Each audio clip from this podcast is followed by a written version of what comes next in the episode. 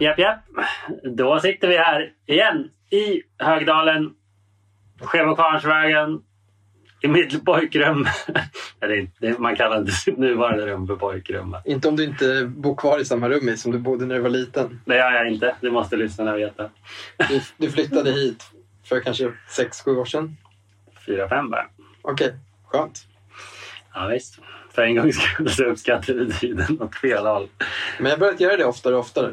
För annars är det så här, om men när släpptes, eh, när släpptes, eh, vad heter det? Mirrodin. Ja, men exakt. Du bara, men det var väl tio år sedan. Så var det 20 år sedan. Exakt. Ja, precis. Nej, men eh, jag har nyligen konstaterat att jag tycker att tiden går precis lagom fort. Hoppas att det fortsätter så. Det är många som säger att tiden känns som att den går snabbare när man får ett barn, men jag har ingen jävla aning om vad de pratar om. Nej. Men det är ändå skönt att du säger det. Uppfriskande. För du har ju rätt, alla pratar ju om tvärtom. Och jag också. Alltså, om man tänker liksom en riktigt eh, jobbig arbetsdag, en, arbetsdag, en lång jävla arbetsdag. ja. Försöker bara tänka på de dagarna. Och de är aldrig korta nog. Exakt. Så minns du man tänkte i grundskolan också, om det var mattelektion. Tänk om Mm. tiden alltid gick så här långsamt. Ja, men nu är sen är grundskolan slut. Och de andra skolorna också. Vad, Nu sitter vi här. Samma intressen dock som i grundskolan. dinosaurier och magic-kort. ja. Det var också ungefär samma, Ja. antar jag. Ja, men det är vet du, spännande tider att vara en Magic-spelare i kan man i alla fall säga. Det Mm. händer väldigt mycket med vårt lilla spel. Jag kan knappt kalla det litet. Nej, okej, med vårt spel. Det är små kort i alla fall, Ja, hyfsat. oftast. Ja. Ehm, och eh, till att börja med tänkte jag att vi kan ju prata om det i det lilla. Då. Vad händer i, i vårt egna Magic-liv? För i det stora, i allas Magic-liv händer det mycket. Men Mm. i, i vårt egna Magic-liv händer det kanske inte supermycket just nu. Du får börja. Yes, tack. Eh, nej, men du har rätt. Det händer inte jättemycket. Jag har spelat ganska lite. Men det är också för att jag har haft, eh, ja, varit på semester. Det är också kanske därför vi inte spelat in ett avsnitt på ett litet tag. Vi har gjort sommargrejer med familj och vänner och sådär. Eh, och det gäller mig också, men man har ju alltid som Magic on my mind. Jag köper och säljer som vanligt. Spelar ganska mycket i arena. Jag spelade Historic, blev vansinnigt arg på Shieldred The One Ring. Hatar Magic. Du har väldigt mycket nerd rage när du Nej. spelar digitalt. Bara digitalt, ja. Eller mest digitalt. Ja, Ja. Men, men väldigt mycket ska folk veta. Ja, jag Alltså känner- kanske inte värst, liksom. Nej, det vet jag nej, det inte är. nej. Men det är riktigt illa. Det är också sjukt att det bara är digitalt. Varför inte liksom när du spelar vanligtvis? Jag har aldrig sett dig bli arg när vi spelar vanligtvis. Nej, men det är för att då... Alltså, jag vet ju inte helt säkert, men för, för skillnaden är ganska stor. Men alltså, när, man, när man spelar mot folk då måste man ju bete sig. Alltså, Mm. När man spelar mot människor och tittar öga mot öga då måste man ju sköta sig. för att ja, Och kanske det är till och med en person man gillar förhoppningsvis. Eh, Men, men online då är det ju en främling som man inte har något band till. Och inga, alltså det, det är bara hat.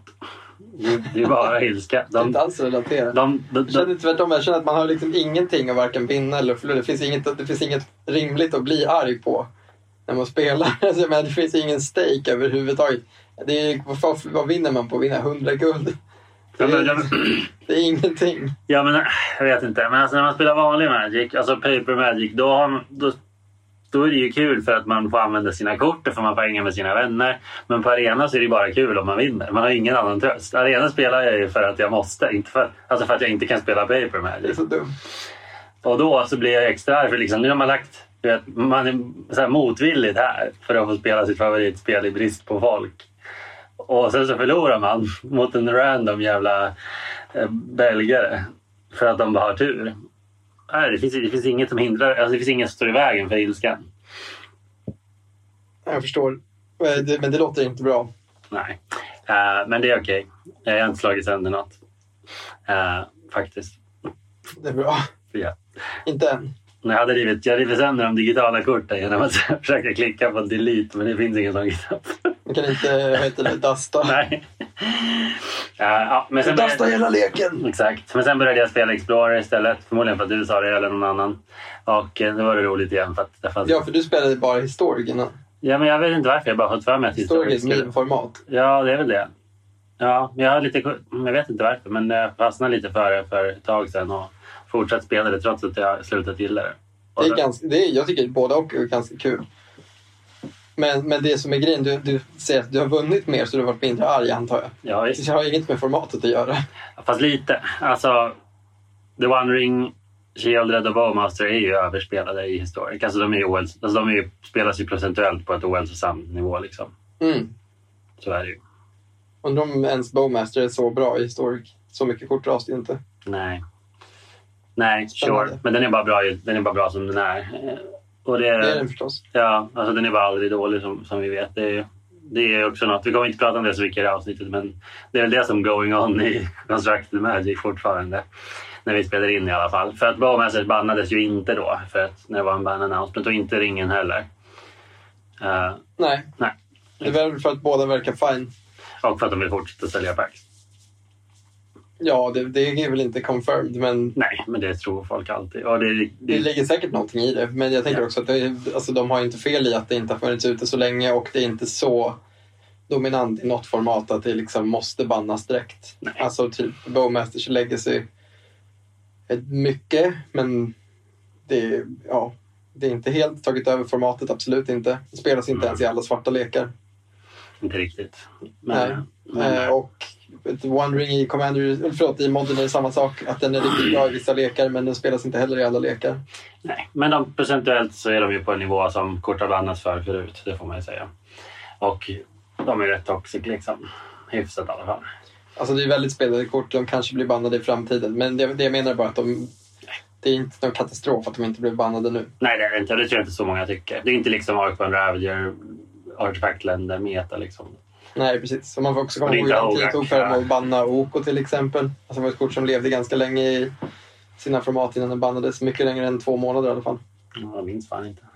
Legacy, Ah, ja. I Legacy vet jag att den var vid liv i över ett år. Det är svårt att tro nu. Man får ibland låta som att OK blev bannad direkt liksom, i alla Ja. format. Men, men den var, jag tror att det var någon som påstod att den var igång ett och ett halvt år nästan på, i Legacy Mm.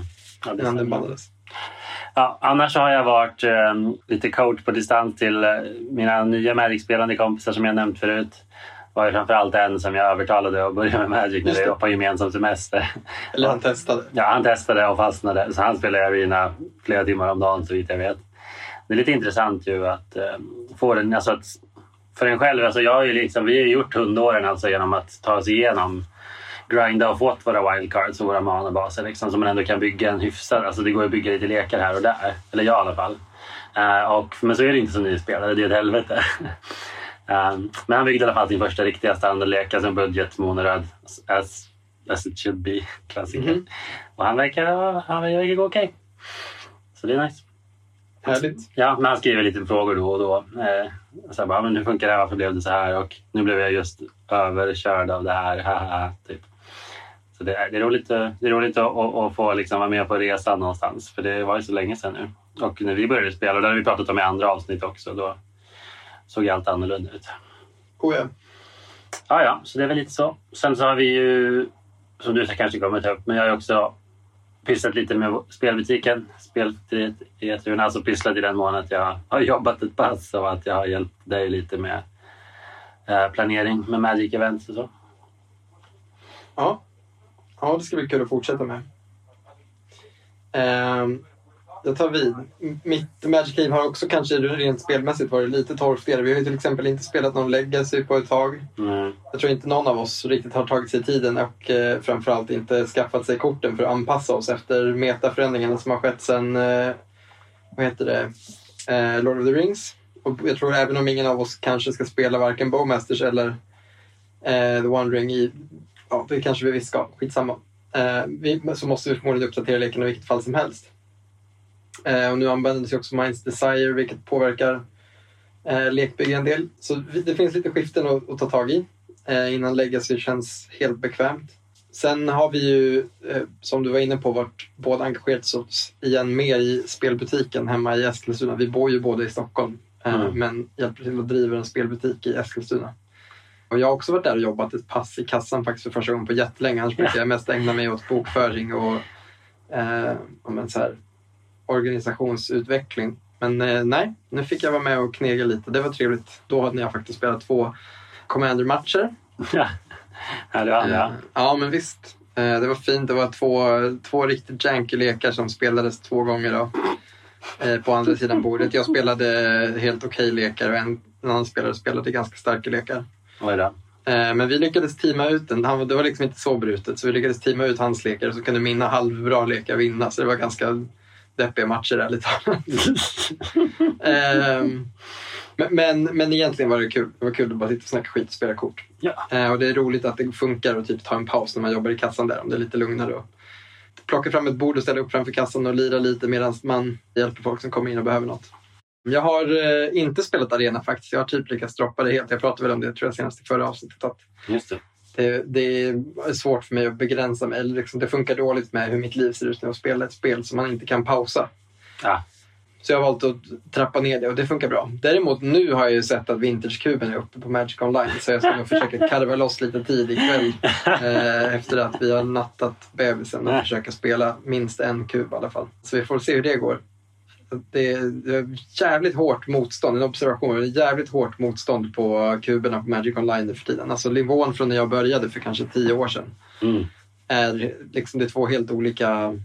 Folk är så jävla mycket bättre nu än vad de var då. Jag tror att det delvis är för att Youtube har blivit så stort. Alltså Okej. att alla, har, alla får väldigt mycket input från Youtube. Jag har inte alls hängt med liksom, i den kunskapsutjämningen som har skett liksom, i hur man bygger lekarna på rätt sätt och vilka kort som är viktigast att ta tidigt och sådär. Mm. Jag tänker bara gamla goa LSV-taktiken i det. Ta first pick up, valuta delta och Signet. Men det är nog Strunta i fortfarande... alla spicy mythics. Men att vara riktigt bra är ju att kunna se när du inte ska göra det och sånt. Det, är liksom, det gör stor skillnad. Sen märker man också att man möter, det finns några som kör så jävla mycket och som uppenbarligen också är helt sinnessjukt bra då. Och man möter dem ganska ofta för att de spelar så mycket, de spelar snabbt och de är liksom alltid inne och kör.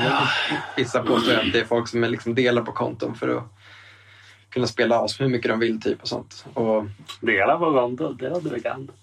nej men det, det är i alla fall eh, eh, jag, jag ser fram emot att testa oavsett. Men det är hårt motstånd så att man får verkligen vara, eh, hänga med. Det är det värsta med online. Alltså, tänk vad bra man hade det innan internet. Då var man bara bäst i stan på saker. Inte just du och jag kanske, men någon var ju bäst. Liksom. Ja, men Men sen så kom internet och då blev man så jävla humbled. Liksom. Man bara, vänta lite, det finns folk som bara är bra på riktigt. Och man bara, "Vad- vad- sluta! Men egentligen är det precis tvärtom. Att det är helt fantastiskt att du kan få spela mot folk som är så mycket bättre än dig. För att det är så man egentligen lär sig. Ja, det är men- när du ser andra som gör, spelar korten i en annan ordning än vad du hade gjort och märker att oj, det där var jättebra. Ja, det är kul på ett sätt. Men Inte om man är besatt av att vinna och tror att man är bäst. Nej, det är sant.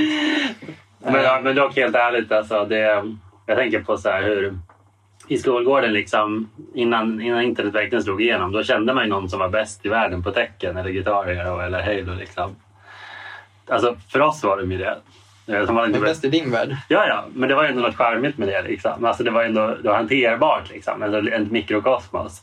Och det håller ändå med om att det finns något charmigt med det som är borta. Liksom. Alltså, nu, när hela världen finns där så då man, man, man kan aldrig få för sig att man är bra. Alltså, du vet, för man blir påminn oavbrutet om att alla andra också är bra.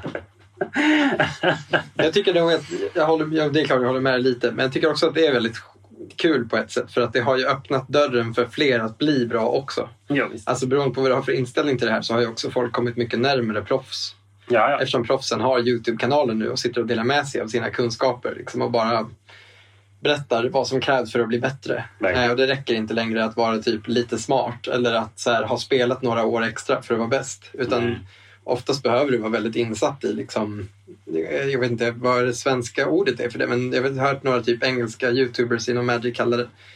Men jag antar typ så här sanningar inom olika spel förändras ju. Och sanningar inom Magic förändras ju typ när ett kort som Bowmasters kommer. Till exempel sanningarna om hur du ska spela med en Brainstorm i Legacy Mm. har ju förändrats på grund av Bowmasters. Ja. Det kan helt plötsligt vara rätt att mainfacea en Brainstorm, vilket oftast var fel förut, runda ett. Jo. För att motståndaren inte ska få tappa upp och lägga ut ett nytt land. Och sånt förändras.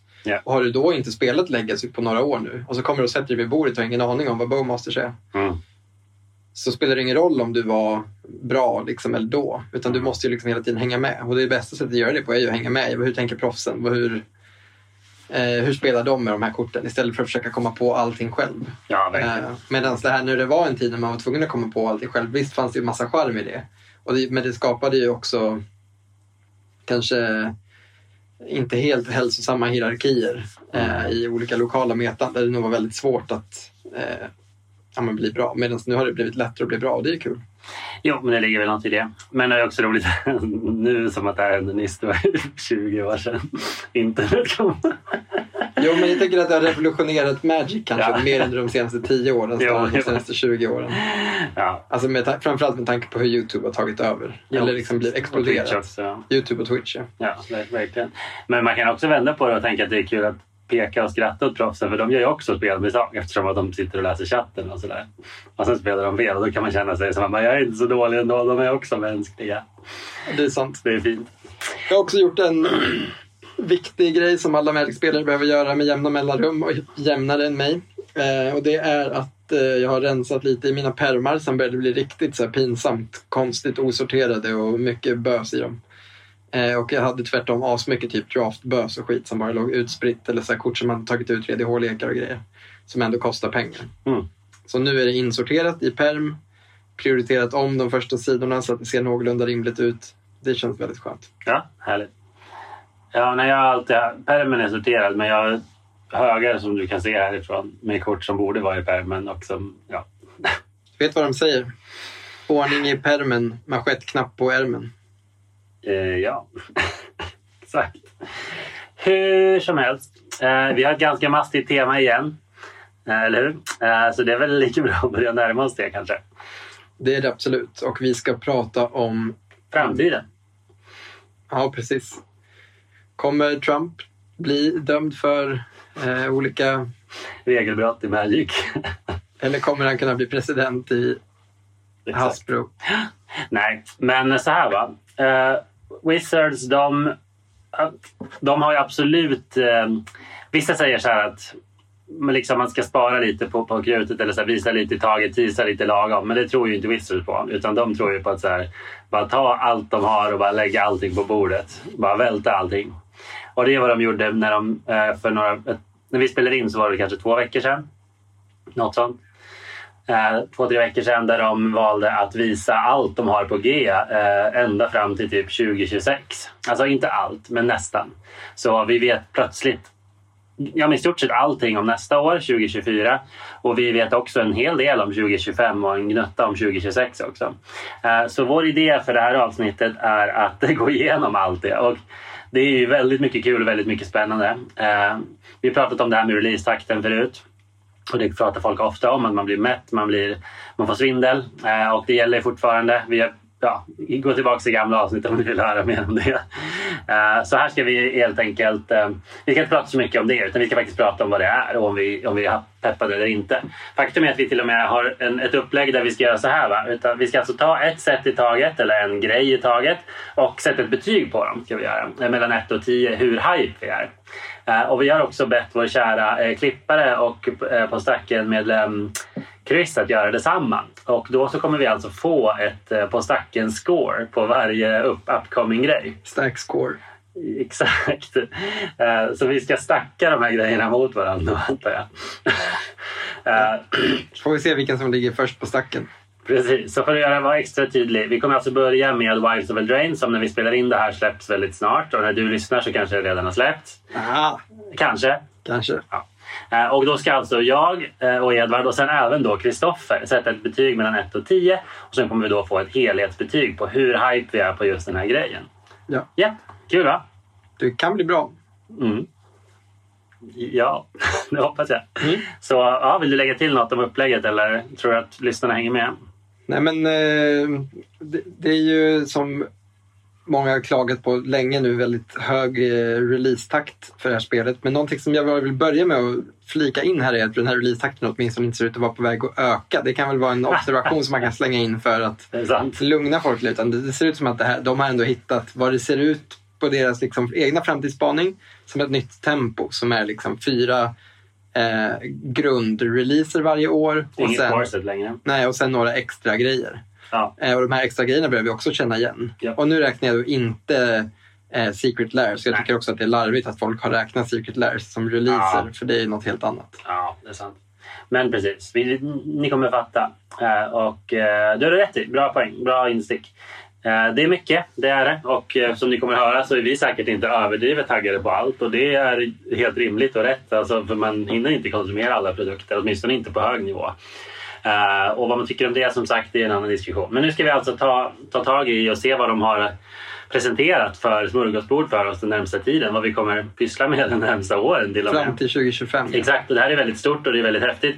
Eh, Och jag skulle till och med säga att hela den här grejen nästan har gått lite under radarn. Alltså folk är så mätta och det är så mycket spoilers och sen var det Pro Tour och sen Bowmasters och ringen. Så jag känner nästan att ganska få har pratat om det här, vilket eh, är intressant. Eh, men desto roligare kanske för dig som lyssnar om du inte heller har dykt in i det. Och kanske roligare för oss också. Mycket möjligt. Yes, då så. Ska vi? Ja. Då så. Vi börjar med eh, Wilds of Eldraine som alltså är ett eh, återträde till Eldraine.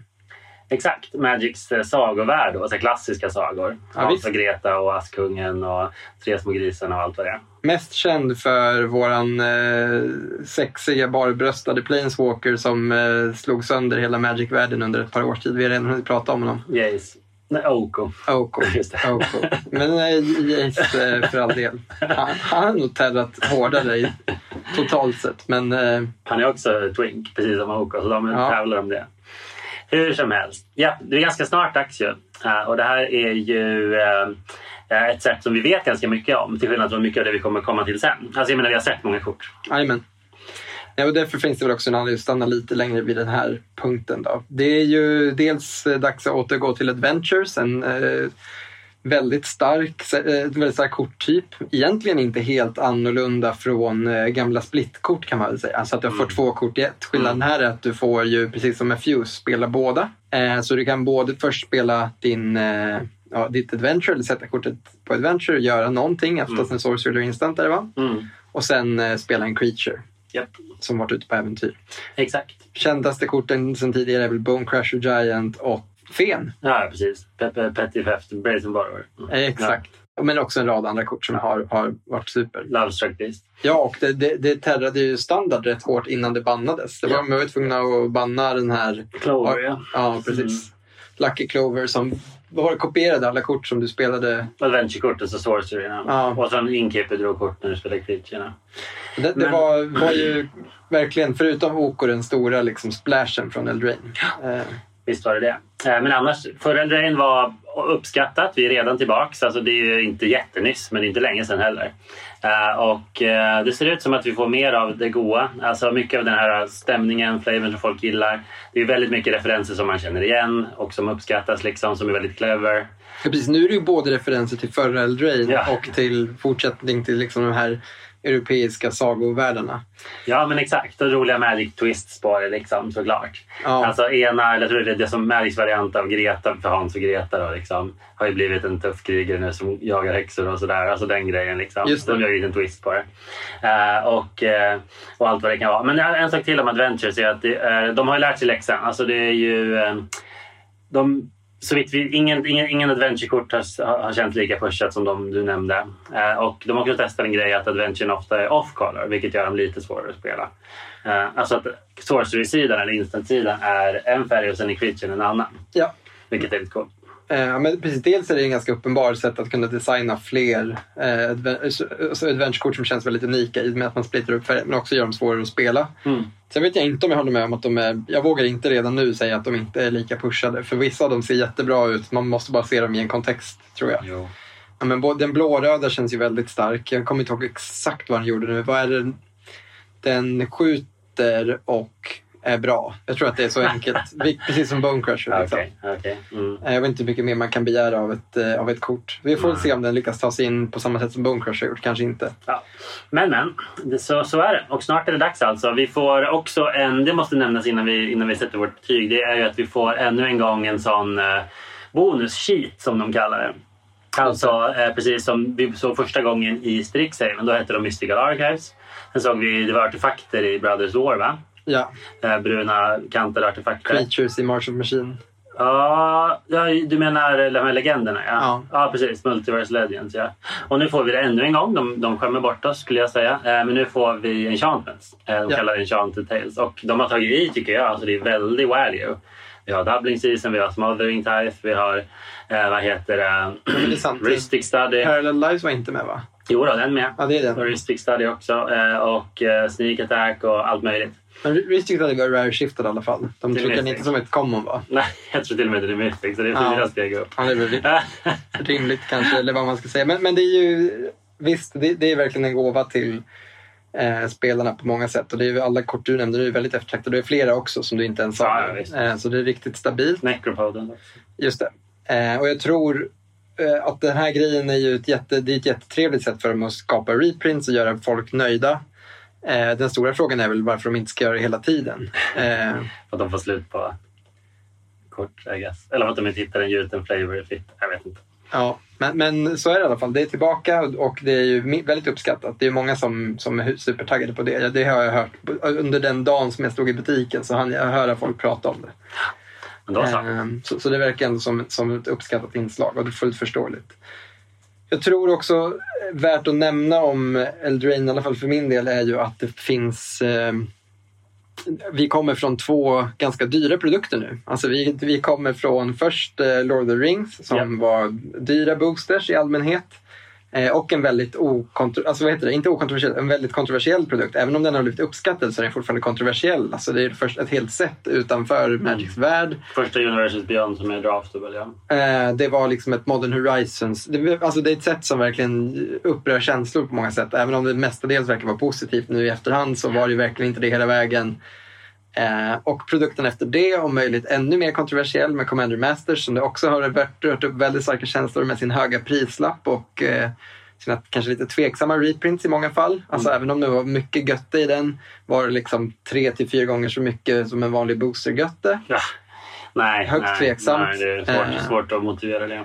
Så det känns ju nu eh, som att när man kommer tillbaka till någonting citationstecken normalt eh, känns det, det väldigt, eh, väldigt skönt på ett sätt kan jag känna. Ja. Så att, även om Eldraine inte är något jättegammalt och, som liksom drar igång alla nostalgikänslor känns det fortfarande lite som att man kommer hem till Magic på något sätt nu. Normalprisade boosters. Och med normalprisade menar vi alltså dubbelt så dyra som för bara fem år sedan. Det är också en rolig reflektion för jag kollade vad Eldraine kostade förra gången vi hade det inne i butiken. Och Aha. nu, priserna har ökat så mycket liksom på Magic-produkter. Det är inte vi som butik alltså, som Nej, har nej, ökat priserna utan priserna har ökat typ så här 60-70 procent sen vi sålde Wilds of Eldraine. Eller sen vi sålde Throne of Eldraine. Hmm.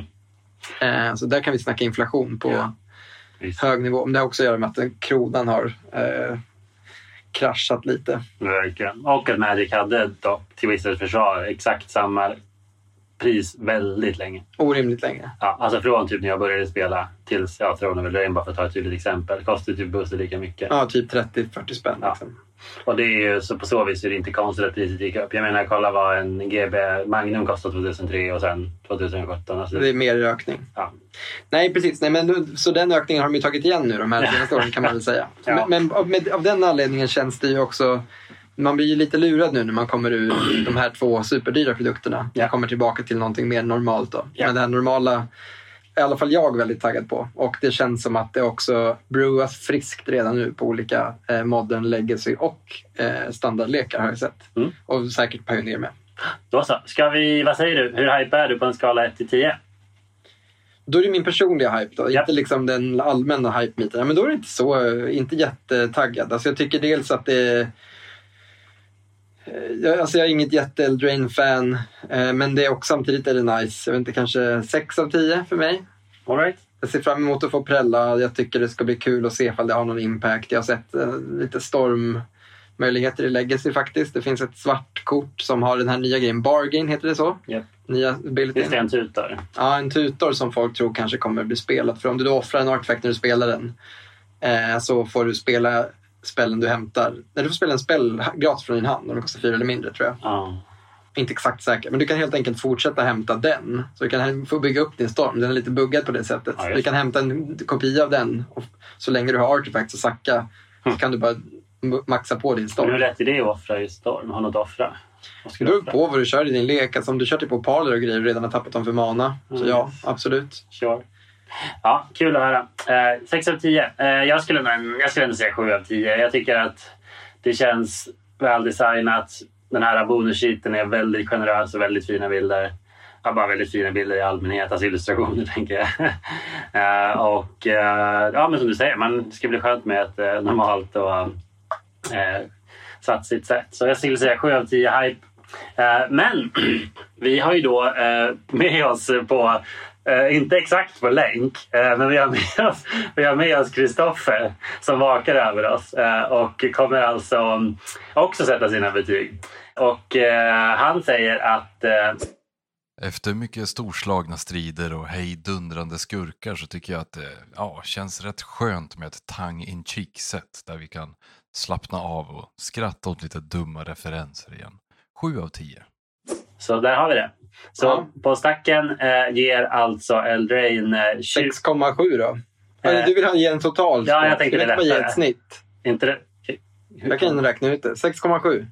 kan du? Ja, det är rätt. Okej. 6,7 av 10 i hype level från påstacken. Stack score. ja, stark score 6,7. Okej, bäst vi fortsätter och kanske pratar lite mindre om kommande set. Eh, för det är ganska många vi går igenom. Och vissa kommer vi inte behöva stanna på i 10 minuter, en kvart. Men vissa, jag tycker ändå Eldrain, det är runt hörnet. Det är värt oh att ja, prata oh lite ja. om. Nej, helt rätt. Yes, och sen också i år, eh, innan året är slut, så ska vi få två produkter till. Eh, den, eh, en av dem är, vad heter, ett till Universes Beyond. Och det kommer redan i oktober. Den här gången blir det bara Commander-lekar, precis som i Warhammer. Just det. Och den här gången så är det Doctor Who, den otroligt kultiga sci-fi-serien, brittiska. Mm. Har du kollat mycket? Eh, inte mycket, men... Eh, eller ja, det beror på vad man menar. Mitt ex var stort Doctor Who-fan. Eh, så vi kollade kanske fem säsonger av alltså rebooten. Ja, den nya, ja. Mm. Det är den som de flesta sett. Det finns ju då, för er som inte vet... De vi- fem första eller bara fem? fem, nej, fem, fem första säsongerna. Ja. Vi kan, vi kan, serien, serien är från 80-talet från början. nej, mycket äldre. Mycket äldre. 50 typ. Var den första från Det är 50? svartvit i alla fall. Ja, okej. det är okej. Så serien är skitgammal. 50, 60, 70-tal i Ja, fall. ja. Eh, Och sen gjorde de reboot 2005 tror jag. Ja, det stämmer. För det är den jag har sett också. Jag har inte orkat kolla på den gamla. Det är ganska Det är dåligt, ärligt talat. Ja. Eh, man får lite referenser till det i det nya så då kanske man vill gå tillbaka och kolla. Men annars är det liksom... Det är, en, ja, det, står, det är roligt för de har med banditerna precis som Magic. De har liksom med bad guys från förr. Så det delar ju det med Magic. Att så här, de gamla bad guysen återuppfinner man. Mm. Men protagonisterna förändras hela tiden. Ja, ja. du menar att eh, Cybermen och Daleks och, Ja, de är liksom old och The. Master var med. Det är därför de ser ja. ut som de gör. Ja, de är väldigt bra design ju. Eh, Alltså helt ärligt, så här, om ni inte har koll på Doctor Who så kan vi inte göra det rättvisa här. Eh, och jag ser mig inte ens som ett så stort Doctor Who-fan. Men alltså det är en institution. Det är helt sinnessjukt hur stort det är. ja, ja, verkligen. Alltså det finns som du sa, det väldigt, finns så väldigt jävla... kortfattat så har du en protagonist som eh, återföds vid döden. Eh, och det har de, på det sättet löser de det faktum att de har bytt skådespelare i huvudrollen väldigt många gånger. Lite som James Bond. Lite som James Bond fast de faktiskt har en förklaring. trope-förklaring till varför det är nya personer hela tiden. Så han regenererar till, eller hen regenererar till nya former då. Och eh, reser genom tid och rum för den här personen är, tillhör en, en art som har kommit på hur man reser i tiden. Mm. Eh, reser i tid och rum och eh, har en förkärlek för människor så av olika anledningar plockar upp olika mänskliga companions. Mest Eh, brittiska kvinnor. vilket råkar vara brittiska, oftast attraktiva kvinnor. eh, med det sagt, supermysig serie. Gillar man historia, gillar man sci-fi, gillar man äventyr Och England. eller något bara av dem. Så, och helst kanske England då, men mycket England, det är sant. Eh, så kommer man gilla Doctor Who. Det är väldigt... eh, Det, har, det, är, det, är, det känns typ som att kolla på så här sommarlovsmorgon. Alltså det, är så här, det är typ charmigt på ett dumt sätt. Alltså så här, det är ganska B, men också inte. Alltså det är svårt att sätta fingret på. Jo men det är B. Det är absolut B. Det är liksom BBC. Ja. Det är, om ni har sett BBC-serier förut så vet ni att det är liksom av någon anledning så har brittiska SVT skitdålig budget. Men de gör Utom när David Attenborough kommer och knackar på dörren. Men de, men de gör det jävligt bra. Det är väldigt roligt. Det är liksom eh, väldigt gosig stämning. Alltså det är ju det. det är liksom, man, man är aldrig orolig att de här companionsen ska stryka med bara för att de hänger över en lavagrop. Nej, förmodligen inte. Det kommer liksom inte hända. För, förutom i säsongsfinalen. Liksom. Mm. Så, så Ja. det, men av den anledningen perfekt för att comfort titta. Men det finns typ 14 nya säsonger tror jag. Ja. Så, Och 14 fak- gamla. Om ni är mellanserier så kan ni börja i alla fall. Det, ju, inte- det går inte att streama någonstans så vitt jag vet. Eh, men det kommer. Det ska, det ska komma någonstans. vad sjukt. Ja, jag vet. Det var, jag vet inte varför. I alla fall, eh, det var det. Eh, men det är också ett Magic-set. Det är alltså Warhammer-produkter. Så vi får fyra Commander-lekar? Ja. Ja. men det låter ju lovande. Det- Med plane chase tror jag. För att man ska man ser olika locations liksom. I egenskap av legacy-spelare är jag ju lätt skräckslagen. Som vanligt. Som vanligt. För det, det är ju en jobbig grej med att ha börjat identifiera sig med den liksom crowden. För alla sådana här produkter kan ju innebära att man helt plötsligt ska behöva hantera typ en TARDIS. Som vänder upp och ner på metat. Eh, men Warhammer-lekarna har ju varit fine. De har ju gjort några kort som var bra. Men inget som har liksom räckat metat. Nej, exakt. Eh, det kommer nog inte bli här heller. Men Suspend är tillbaks rent gameplaymässigt. Det finns en variant av Partner. Eh, att om man har doktorn och en companion så kan man ha dem tillsammans, vilket är ju flavor win obviously. Ja. Eh, Gavin har varit väldigt inblandad i det här och han älskar Doctor Who. Eh, och eh, ja, vad ska man säga? Eh, vi får väl, hur taggad är du? du? Både du och jag har ändå sett det. Även vi Jag skulle inte- säga att jag är Dr. Who. Jag är en Whovian som det kallas. Jag kollade jättemycket på den i gymnasiet. Ja, du är det? Så, Eh, ja, ändå inte hört dig absolut. prata om det så ofta. Men, Nej, men jag har släppt det. Liksom. Jag, har inte, jag har inte till exempel sett de senaste säsongerna. Och det är inte för att den nya doktorn är en kvinna. Det är bara för att jag tappade tråden för några år sedan. Så jag slutade liksom kolla på allt, allt. Och liksom kollade inte på alla så här sidor och intervjuer med skådespelarna och sånt.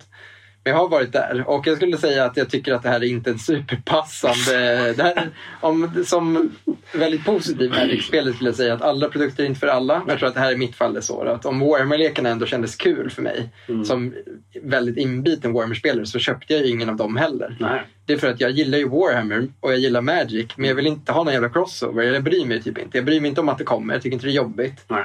Men det tilltalar mig inte heller. Det är inte därför jag liksom...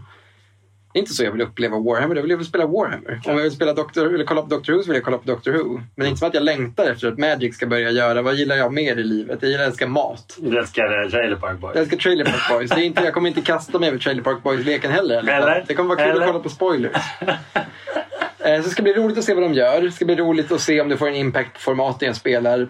Jag kan köpa en av lekarna eftersom vi kommer säkert ta in dem på butiken. Om någon av dem inte säljer så brukar det bli att jag biter ihop och köper någon av den vi har mest av. Så det är inte omöjligt. Ja, Chris säger i alla fall. Jag säger... Ja, Okej. Ska vi börja med Chris betyg? Ja, men den här gången gör vi det tydligen. Eh, han säger en eh, typisk inte för mig-produkt. Jag brukar alltid gå igenom alla kort och se om det är något som ska in i någon av mina kuber eller commanderlekar. Men eh, mer än så kommer jag nog inte interagera med den här produkten. Tre av tio. Ja, men jag kan väl... eh, Jag tror så här. Det ska bli jättekul att kolla igenom lekarna och försöka fatta alla referenser. Antagligen kan jag ta alla och det känns alltid lite roligt. Eh, om det inte är massor på de senaste serierna. Och då är det också kul. Kanske jag blir taggad på att kolla på dem. Jag tror inte att jag kommer köpa någon av lekarna. Om det slutar med att jag gör det så ah, kommer jag säkert inte vara besviken heller. Men säg fem av tio då. Fem, jag är inte otaggad heller. Det är bara så här, ja, det händer så mycket kul. Det här kommer liksom inte hinnas med tror jag. För mig. nej. Jag fattar. ja, nej men jag... Ja, men jag, jag, jag kan ändå... Ja, jag, håller nog, jag håller nog med. Jag tror vi är lite liknande. Jag skulle dock säga att jag kanske är mer... Jag ser mig inte som en Hovian, eh, men jag gillar det liksom. Eh, jag, ser ändå, jag, jag är ändå någon sån som ändå vill ha kombinationerna. Tror jag. jag tror jag har hamnat där ändå. Alltså jag kan, om det är något jag gillar så vill jag ha korten också. Eh, så jag, på så vis så kanske jag ändå skulle sträcka mig till 6 av 10. Jag kanske kommer vara den positiva den här idag. Men ja, så vad blir, sex, vad blir det du som är bra på matte då? Men typ 4,7 eller något sånt. 4,8. Är du säker på det här? Ska vi... Ja, men ganska. Okej. Vi, vi, vi kan dubbelkolla det sen. Ja, det var det. Men vi går vidare. Eh, vi kommer i år inte bara få Doctor Who och ehm, eh, vad heter det, Drain. Vi kommer också få ytterligare ett normalt standardsätt. Eh, nämligen i vinter, i november, får vi ett till, eh, en till återkomst. Vi får ett Lost Caverns of Ixalan. Vi ska tillbaka till den väldigt bisarra aztekiska eh, världen med pirater, vampyrer, dinosaurier eh, och eh, allt det där. Va? Och den här gången så kommer det vara lite mer avsmalnat tror jag. Att vi kommer just, se The Lost Caverns. där Man kommer utforska liksom under underjorden eller vad man ska säga av Ixalan. Eh, vi vet inte så mycket om sättet än men vi vet, och det här är ju väldigt relevant för undertecknad, eh, att det kommer få en bonus Universes Beyond crossover. Precis som vi fick med Brothers War fick vi Transformers. Då fick vi liksom 10-15 Transformers-kort i Collector och Set Boosters. Jag, är inget super, jag är inget stort Transformers-fan. Jag tror jag är för ung faktiskt. Men vad jag däremot är, är en ganska stort dinosauriefan, det vet ju alla. Och eh, i Ixalan nu, det här nya, så kommer vi alltså få en Jurassic Park crossover va? Ja, gjuten crossover till att börja med. Det här känns som att så här, någonting man själv hade kunnat föreslå. Jag tror till och med att det var så att när vi pratade om det så sa jag typ du borde göra något med Jurassic Park och du sa nu gör de det. Typ. Ja. Jag har något vagt minne av det. Så det, det känns så himla gjutet och kul. Och jag vet att det finns många som är supertaggade på just den här delen av det. Alltså typ så här, dinosaurier draft har jag hört någon säga vid något tillfälle att man bara vill köra Ixalan-set. Liksom. Mm. Så det är verkligen också på tiden att de lutar in Creature Tapen Dinosaurs. För det känns som en sån gjuten, liksom, om man håller på med fantasy på det sättet som brett som Wizards gör med Magic. Att dinosaurier är ju typ en av de mest älskade formerna av monster. Ja. Så varför har det allt- inte varit mer dinosaurier för länge sedan? Det är ju en konstig grej. Att Magics första liksom 25 år Mm. så jobbade de inte med dinosaurier på ett seriöst sätt. Nej. Det fanns beasts. Ja. De kunde ibland påminna om dinosaurier. De hade namn som var tydligt att det här var en dinosaurie. Men det var ändå inte tydligt. Liksom, att de hade inte Creature Type and Dinosaur. Nej. Det var inte temat i något sätt. Nej. But why? Ja, nej, det frågade jag mig hela tiden som dinosauriefan. Men nu blev det så här och det är toppen.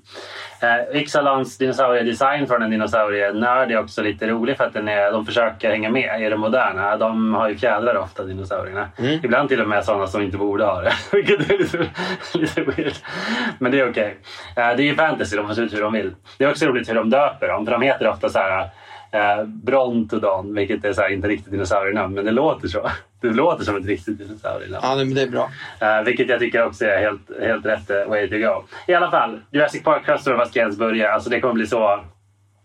Jag, jag, helt, alltså, jag, vet, jag är ju opa, jag är otroligt partisk här, så jag kommer ju köpa allt i foil. Liksom. Men jag är inte ens säker på att hur gjuten, hur gjuten krocken är. Alltså, liksom, det, vi snackar ju bilar och vapen och du vet och grejer och, och jag vet inte vad. Eh, men det blir nice och jag, även här under dessa ska Tyrannosaurus då få ett riktigt kort. Kommer det finnas kort som bara heter motherfucking T-Rex eller ja, snarare Rexy eller vad de kommer kalla henne. Alltså den största T-Rexen som varit med hela tiden.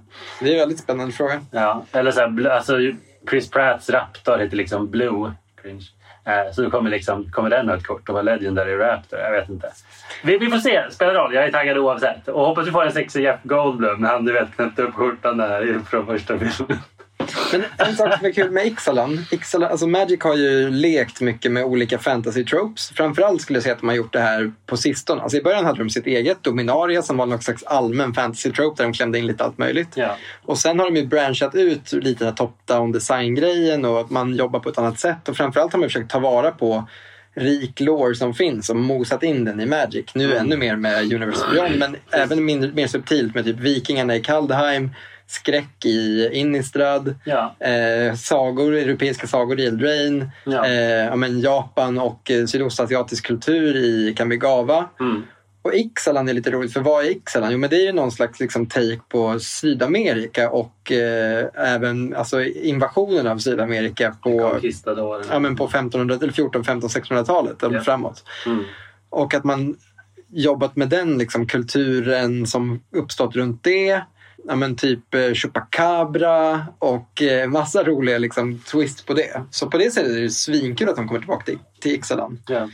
En sak som gör det mindre svinkul är att Ixalan var väl knappast någons... Liksom, för, alltså förra Ixalan har man ju nästan aldrig någon pratat om. Nej, folk gillar pirater och gillar dinosaurier, men annars är det inget särskilt. Det är ingen som hatar liksom, eh, native americans och stora monster och sånt. Det är inte det jag menar. Men jag vet vad är grejen med att ingen... Ett, varför gjorde den så dålig splash första gången? Konstigt. För att det har, det som du säger, dinosaurier, pirater, coola grejer. Alltså, eh, också. Inka-folket skitcoola, eh, fast som merfolks. Mm. Eh, ja, svinfett. Men, men samtidigt så inget, liksom deras, inte deras populäraste. Nej. Så det, det, på det sättet tycker jag att det är kul att de fortsätter med det. Att de inte bara släpper det för att det inte var liksom den bäst, största succén någonsin. Nej. Det ska bli den succé det kanske var värd att vara på något sätt. En annan rolig sak med det är ju att det liksom om, lite omvänd ordning. För förut så kom ju Ixalan ganska kort innan Eldraine. Mm. Och Ixalan var väl på något sätt ändå slutet på en era av lite tveksam power level. Ja. Alltså att kortet, spelet rent designmässigt inte hände inte så jäkla mycket, ärligt talat. Nej. Och att Eldraine var liksom någon som slängde, satte den, la den stora stenblocket på gaspedalen och sa nu kör vi. Och sen, sen Eldraine har vi i princip bara haft Fire Design hela vägen fram. Typ ja. Och ja, jag vet inte, det, vi får väl se om Ixalan blir liksom att, de, att det svalnar av lite igen eller om de bara öser nu. Eh, det är också spännande eh, sak för framtiden. Verkligen. Eller just om eh, något riktigt dumt eh, Jurassic, Park-kort kommer ta över Legacy. Spared no expense. Men är det, Kommer in gör 100 trashes för två månader, jag vet inte. men är det helt egna kort, Jurassic Park-korten? Båda det är inte reprints? Okej. Det, kommer, det kommer vara några egna också. Eh, och en sak till eh, som jag läser är att det kommer också dyka upp något nytt de kommer testa eh, och ha, ha framåt ett tag som kallas Special Guests. Vilket är reprints av klassiska kort men som är designade och kanske med ny art så att de matchar the plane. Liksom. Okej. Och det kommer dyka upp i Collector Boosters och On the List framöver. Så ännu ett sätt att reprinta kort. Okej, så det skulle kunna vara typ ett hett non-basic som passar bra i Ixalan till exempel. Ja, Så absolut. nu med Cavern skulle det kunna vara Cavern of Souls. Ja, självklart. Absolut. Ja, coolt. Japp. Men det var det. Vad tycker vi här då? Eh, betyg, jag kan ju börja då. jag, jag är ju som sagt en del av mig vill ju bara säga 10 av 10 på grund av Jurassic Park. Men jag får väl chilla lite. Jag, jag älskade inte heller Ixalan förutom dinosaurierna. Eh, så jag säger väl 8. Jag, jag, jag håller mig kragen. 8 av 10. Men jag har inte, alltså jag är inte alls eh, varken... Jag är lite mid här också. Gud vad tråkig jag känner mig idag. Men jag har satt... Men jag kan väl kasta ur mig en till sexa tror jag. För jag, det, även om jag tycker att det känns kul så jag är ju en känd hatare av att man bara återanvänder och återanvänder och återanvänder. Och nu har vi varit där länge alltså. Nu har vi... Men det kommer mycket nytt. Mm, men det är det jag skulle säga. Det, det, har, det har varit väldigt mycket recycling i Magic sistone. Vi har varit i Dominaria väldigt länge. Nu ska vi tillbaka till Eldraine och sen ska vi tillbaka. Och det menar, att vi hade ju ändå en period där vi fick Ixan, vi fick Eldraine och vi fick ganska mycket nytt ett tag. Mm. Och nu har det istället varit väldigt mycket eh, return to. Så därför är jag lite, jag, jag, jag gillar nya grejer. Fattar. Yes, eh, Chris säger Jag får lite ungorokrater-vibbar av det jag har hört om sättet. Det känns som en ja, men rätt unik take på att återvända till ett gammalt plain-grejen. Och jag är uppriktigt nyfiken på att se hur de tacklar det. Sju av tio. Ursäkta World of Warcraft-referensen. Ungoro Creator alltså var, var väl referens. Och då har vi en stack score på sju på Ixalan. Yes. Jag känner nästan att jag borde ha lagt en 9 här. Ja. Men jag, kan, jag vill flika in en sista grej när vi går vidare där. Och Det är att jag håller med Kristoffer om att det är kul take på när de går tillbaka. Att de väljer liksom en isolerad del av ett plane. Eller att de, för det är ju nytt. Det har de inte gjort förut. Nej, och det ska alltid vara till hela planet. Ja. Och det kommer lite fler sådana grejer längre fram vet jag. Jag tycker Mm. det är faktiskt en bra... Och eftersom min känga handlade om att jag inte tyckte att det var tillräckligt liksom nytt så kanske jag får gå tillbaka lite på det och också sätta en sjua då. Okej. Och då går stack-scoren upp till sex- eller 7,3 här. ja, stack. Stack, stack. Eh, ska vi, det kommer också en re-release av Tales of Middle-earth innan året är slut. Ska vi prata om det eller ska vi bara skita i den? Vad betyder det? Det betyder att de kommer att eh, komma några kort till och sen restocka och sen är typ Holiday Giftbox. Typ. Som Jaha. vanligt några unika kort tror jag. Eh, jag är orolig spontant. Det här känns som en klassisk. Som, kommer ni ihåg double feature-grejen som de Mm. hamrade in i ansiktet på oss för ett tag sedan? När de Mm. re-releasade Innistrad, de nya Innistrad-sätten. Men det var bara inte nice. Så känns ju det här också. Det känns som att de här nya korten kommer vara mid. Och... Uh, nej, fy fan. Nej, jag vet inte. Eh, vi får väl se. Eh, jag, jag har inte hört så mycket om den här produkten i och för sig. Så jag, men min första reaktion är låg. Ja. Om jag ogillar nya, vet du, att de inte gör nya saker så måste väl det här vara det jag hatar mest i så fall. Antar jag. Så tre av tio från mig. Chris säger Om jag har förstått det rätt så är det här någon typ av eh, jumpstart-produkt. I sådana fall så är det här nog ingenting för mig. Men eh, jag uppskattade det vanliga eh, lottersättet väldigt mycket. Och det, det är kul med fler lotterkort. Fem av tio. Eh, och jag, jag känner väl det också. Jag, jag säger fem också. Lotter är nice? det är bra att de printas ännu mer så folk får en chans till att få dem innan de försvinner för gott. för de kommer vara lite halvt reserve list eftersom att licensen är tidsbegränsad. Så ja, vad blir det då? då? En stack score på 4,3 vill jag påstå. Det är verkligen, jag, jag kommer inte kunna rätta dig på något av det här. Ni som lyssnar kan ju få räkna om det om du vill, men det, det kommer i alla fall alltid vara ganska nära det som det ska vara. Ja. Då så, det var 2023 och vi kommer veta lite mindre om det som händer framöver. Men även 2024 har vi ganska mycket info om. Ja, absolut. och vi kommer kicka igång året redan i januari. Eh, och nu får vi en till remastered set. Eh, och den här gången så är det allas favorit eh, ja, setting, favoritstad, Ravnica som får. Mångas favoritsättning i alla fall. Ja, många, väldigt mångas.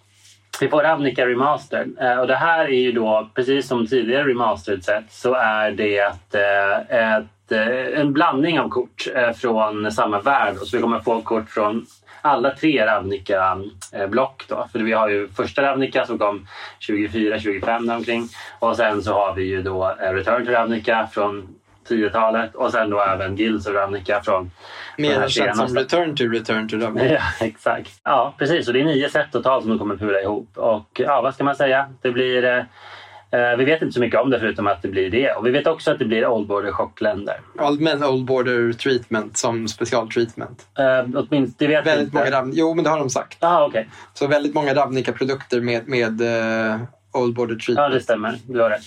Och jag tror att det här, hela konceptet med Remastered är ju verkligen en homerun. För att det är ju ett sätt att få folk som är har liksom en aversion mot allt det nya. Att, ge, alltså att plisa folk. Mm. Ja, Alltså, båda de tidigare produkterna har ju varit supersuccé med folk. Alltså, alla älskade eh, Timespell Remastered så vitt jag vet. Ja. Eh, Dominaria Remastered var ju ännu mer populär i folks... Alltså med reaktionen var ännu... Och det var så jävla bra reprints. Mm. Just den kom ju också ganska kort efter. Det, här, det var en sån himla scam när det hände. För att det kom ju först en produkt som hette Baldur's Gate som var en sån här Commander-produkt som folk var supertaggade på och trodde det skulle komma massa nice reprints och Commander-kort i. Mm.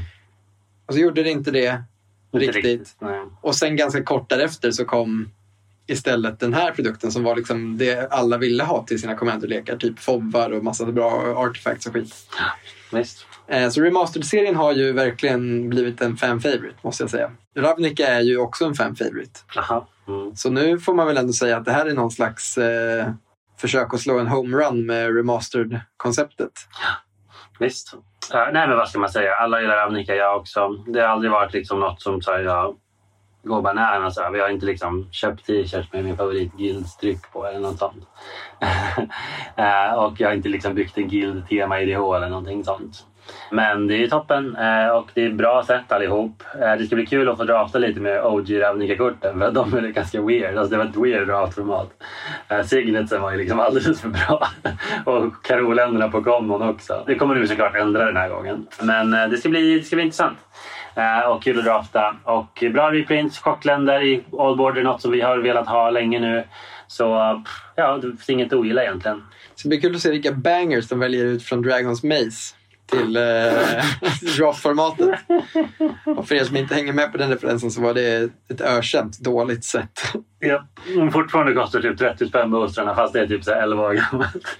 Det är verkligen absurt för att i, i de andra Ravnica-sätten så har de liksom släppt tre till fyra hus per eh, booster. Ja. Men medan i Return to Ravnica så släppte de fem hus i första boosten, fem hus i andra boosten och sen var den sista boosten någon slags samlingssätt. mm. Så dels var det väl inte chockländer. Jo, det kunde vara chockländer. Det Ja, kunde. möjligtvis. Ja. men, men det var liksom inte alls den här tydliga Ravnica-grejen med husen utan det var bara en jävla mischmasch med... Fan vad folk inte gillade det. ja, men det är mest för att det var låg power level. Det var dock vi fick Gates första gången och Gates gillar folk. Gates gillar folk, men ja, Ja, Nej. Visst, visst, det är sant. Men, men det, var, det var weird. Det var, ett, Super det, var ett, det var ett tag när Voice of Resurgence token var det näst dyraste kortet i setet efter Voice of Resurgence. Nej, fan, vilken jävla katastrof. Ja, ja. Men Ravnica Remaster, vad sätter du för betyg här? Just det, ja, men säg du. Säg du. Vi lyssnar på Chris sen. Ja, men det är väl kul på ett sätt med de här reprint-sätten för att det tar ju upp, jag kan tänka mig att det tar upp väldigt lite av Wizards tid att göra dem jämfört med att göra ett helt nytt block. Så det blir ett sätt för dem att trycka ut kort liksom, på marknaden som folk verkligen vill ha och behöver. Mm. Det blir en rolig throwback och få folk att uppskatta Magics historia. Men som sagt som inte tar upp så mycket utrymme från att de ska kunna göra nya och häftiga saker. Men jag säger väl, ja, jag, jag är klart jag är hype men är jag kanske är sjua hype för att jag älskar Ravnica ändå. Ja. Det, det kommer inte vara ett enda nytt kort i hela setet på mig också. Så Nej. det är svårt att vara liksom Nej, men jag känner lite så. hypa, hypa av på mitten. Nej, men jag sätter till och med en sexa. Sjua. Jag vill rippa boostersarna så jag, jag säger en sjua. Okej, nej. Jo, men jag, jag tror jag håller med. Det är svårt. Det pendlar mellan 6 och 7 faktiskt för mig också. Verkligen. Men jag kan... eh, Alltså det är... Alla de andra i mastersätten har varit hits, så jag tänker det kommer bli det här också. Så jag kan också, jag kan också sträcka mig till 7. Chris säger... Reprints, nya arts, lite old border och ett kul draftformat troligen. Det är några saker som jag uppskattar med ett reprint-set. Det är väl egentligen ingenting som får mig att tappa hakan men har potential att vara det sätt jag kommer drafta absolut mest under 2024. 6 av 10. Men han lät som han var på exakt samma spår som vi. Ja, och då får vi en total på en stark score på 6,7. Ja, vi är starka på. Eh, sen får vi något riktigt weird, för vi ska stanna i Ravnica lite till. Vi får nämligen eh, eh, Ravnica Clue edition. Och det här är alltså brädspelet Clue. Men det lär ju inte komma före Murders at Carl of Mansion. Det kommer samtidigt tror jag. Ja, exakt. vi kan börja. Vi kanske ska börja med Carl, Carl of Mansion innan Clue för att den förklarar ju... Okej då. Jag tycker det här är en, det är en, det är en väldigt förvirrande ordning på den här releasen. Fair enough. Ungefär samtidigt, eller exakt samtidigt, så får vi två grejer. Eh, och det första och största är ju såklart att vi får ett till Ravnica-set. Det är därför vi har Ravnica Remastered här. För att de ska tajma det. Men där, precis som med Ixalan, så kommer det vara ett väldigt annorlunda sätt. Det kommer vara en return till Ravnica, men det kommer vara väldigt begränsat. Allt kommer utspela sig mer eller mindre ett enda stort mansion. Eh, Det här sättet heter Murders at Karlov Manor. Och det är alltså Magics take på murder mystery-genren. Alltså. Vi snackar eh, Agatha Christie-noveller helt enkelt. Exakt, exakt. Eh, precis så. Vi snackar Poirot liksom. Vi snackar lite Sherlock Holmes antar jag om man ska gå lite så. Eh, men, jo, visst. Men, men, men Agatha Christie är ju, det är ju kärnan. jo, men det är väl det. det, är Och- väl det. Miss Marple och allt vad de Eh, heter. Du har ett gäng karaktärer, de är fast på ett ställe, någon blir mördad och du har en detektiv där, antagligen du, som ska ta reda på vem det var som gjorde det. Då. Mm. Och den här taken är, dels är den väldigt rolig, för vi har ju en del väldigt, det är roligt att det är Ravnica, för det finns en del väldigt liksom, kända karaktärer från Ravnica som kommer kunna bli en rolig cast i en sån murder mystery scenario. Det är också väldigt roligt med hela stämningen runt Orsov, eftersom det här, för den som Karlov är ju en, en del av Orsov-gildet. Så det är någon slags spök, eh, spökhus helt enkelt. Eh, och ja, nej, det kan väl bli superkul. Alltså, jag vet inte om man har sett, Harry har precis tagit fram en bild här från Murders at Carl of Manor. Det är ju liksom ett gäng riktigt eh, populära Magic-karaktärer där, det får man väl ändå säga. som Krenko. Judith är det, va? Ja. Aurelia. The Massacre Girl, vilket är lite roligt för att bara, gissa vem som är huvudmisstänkt här. Hon heter Massacre Girl. Ja, nej, hon har ju definitivt vissa misstankar Jag känner mot inte sig. igen honom i mitten. Ska det... Måste vara någon Demir-kille va? Ja. Jag känner inte heller igen honom. Eller är det, vad heter han, Planeswalker? Ral? Rosare kan det vara. Eller hans... eh, Sarek är väl det där bandet med eld och vatten? Eller vad heter han han? heter så. Men ja, Ja. det är det. Ja. Eh, Hur som helst. Vi, vi kommer få en massa referenser till genren såklart. Det kommer vara Mycket in- investigate token skulle man väl kunna gissa. definitivt. Jag undrar hur de ska göra det, för det är redan gjort. Clues och Investigate. Och det är inte så interaktivt. Det känns som att de kommer vilja ha något mer. Jag hoppas att det inte blir ännu en gång så här som The Dungeon. Att man ska gå liksom och hitta cluesen på vägen. Men det kommer säkert bli något sånt. Ett minigame på något Ja, sätt. ja. Känns gjutet. ja i alla fall. Eh, vi, kan, eh, vi kan säga så. Chris säger i alla fall Murder mystery in my card game. Sign me up. Jag är ett stort fan av de här sätten som inte tar sig själva på så himla stort allvar och kan vara lite skämtsamma. Ett eh, roligt tema på ett fantastiskt plane. 8 av 10. Ja, men jag är också, alltså nu, det här får jag krypa till korset. Dels mitt stora sommarnöje nu har ju förutom att vara småbarnspappa och att eh, åka runt i en elbil så har det varit att titta på oförskämt många avsnitt av skitserien eh, Morden i Midsummer. Ja, Som ju bara är en liksom B brittisk murder mystery-serie. Ja, som har gått i typ all evinnerlighet. Ja, herregud. Alltså sen, gud vet hur länge. Jag kollade på det med min farmor när jag var Längre än liksom för liten. kanske, nästan. Eh, så det här, jag har sett väldigt mycket av det här. Och eh, det här är ju right up my alley. Jag älskar Ravnica. Jag älskar Orsov.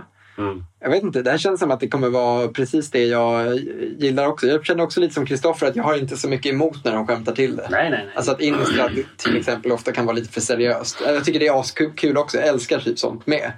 Men, men, eller så här, jag älskar när det är seriöst, jag älskar när det är oseriöst. Jag älskar väldigt mycket med Magic. Och det här känns som att det kommer vara skitkul. Alltså det känns som att, eh, precis som Kristoffer också säger, att de återuppfinner ju spelet på olika sätt så här också. Alltså genom att ta typ en nisch, alltså att ett Ja. sätt som utspelar, sig i ett mansion. Eller i ett manor. Varför inte? Go nuts! Det kan bli hur bra som helst. Så vad säger du? Ja men eh, kanske åtta också. Åtta. Jag är också, jag, här håller med, jag tycker det är ett bra betyg.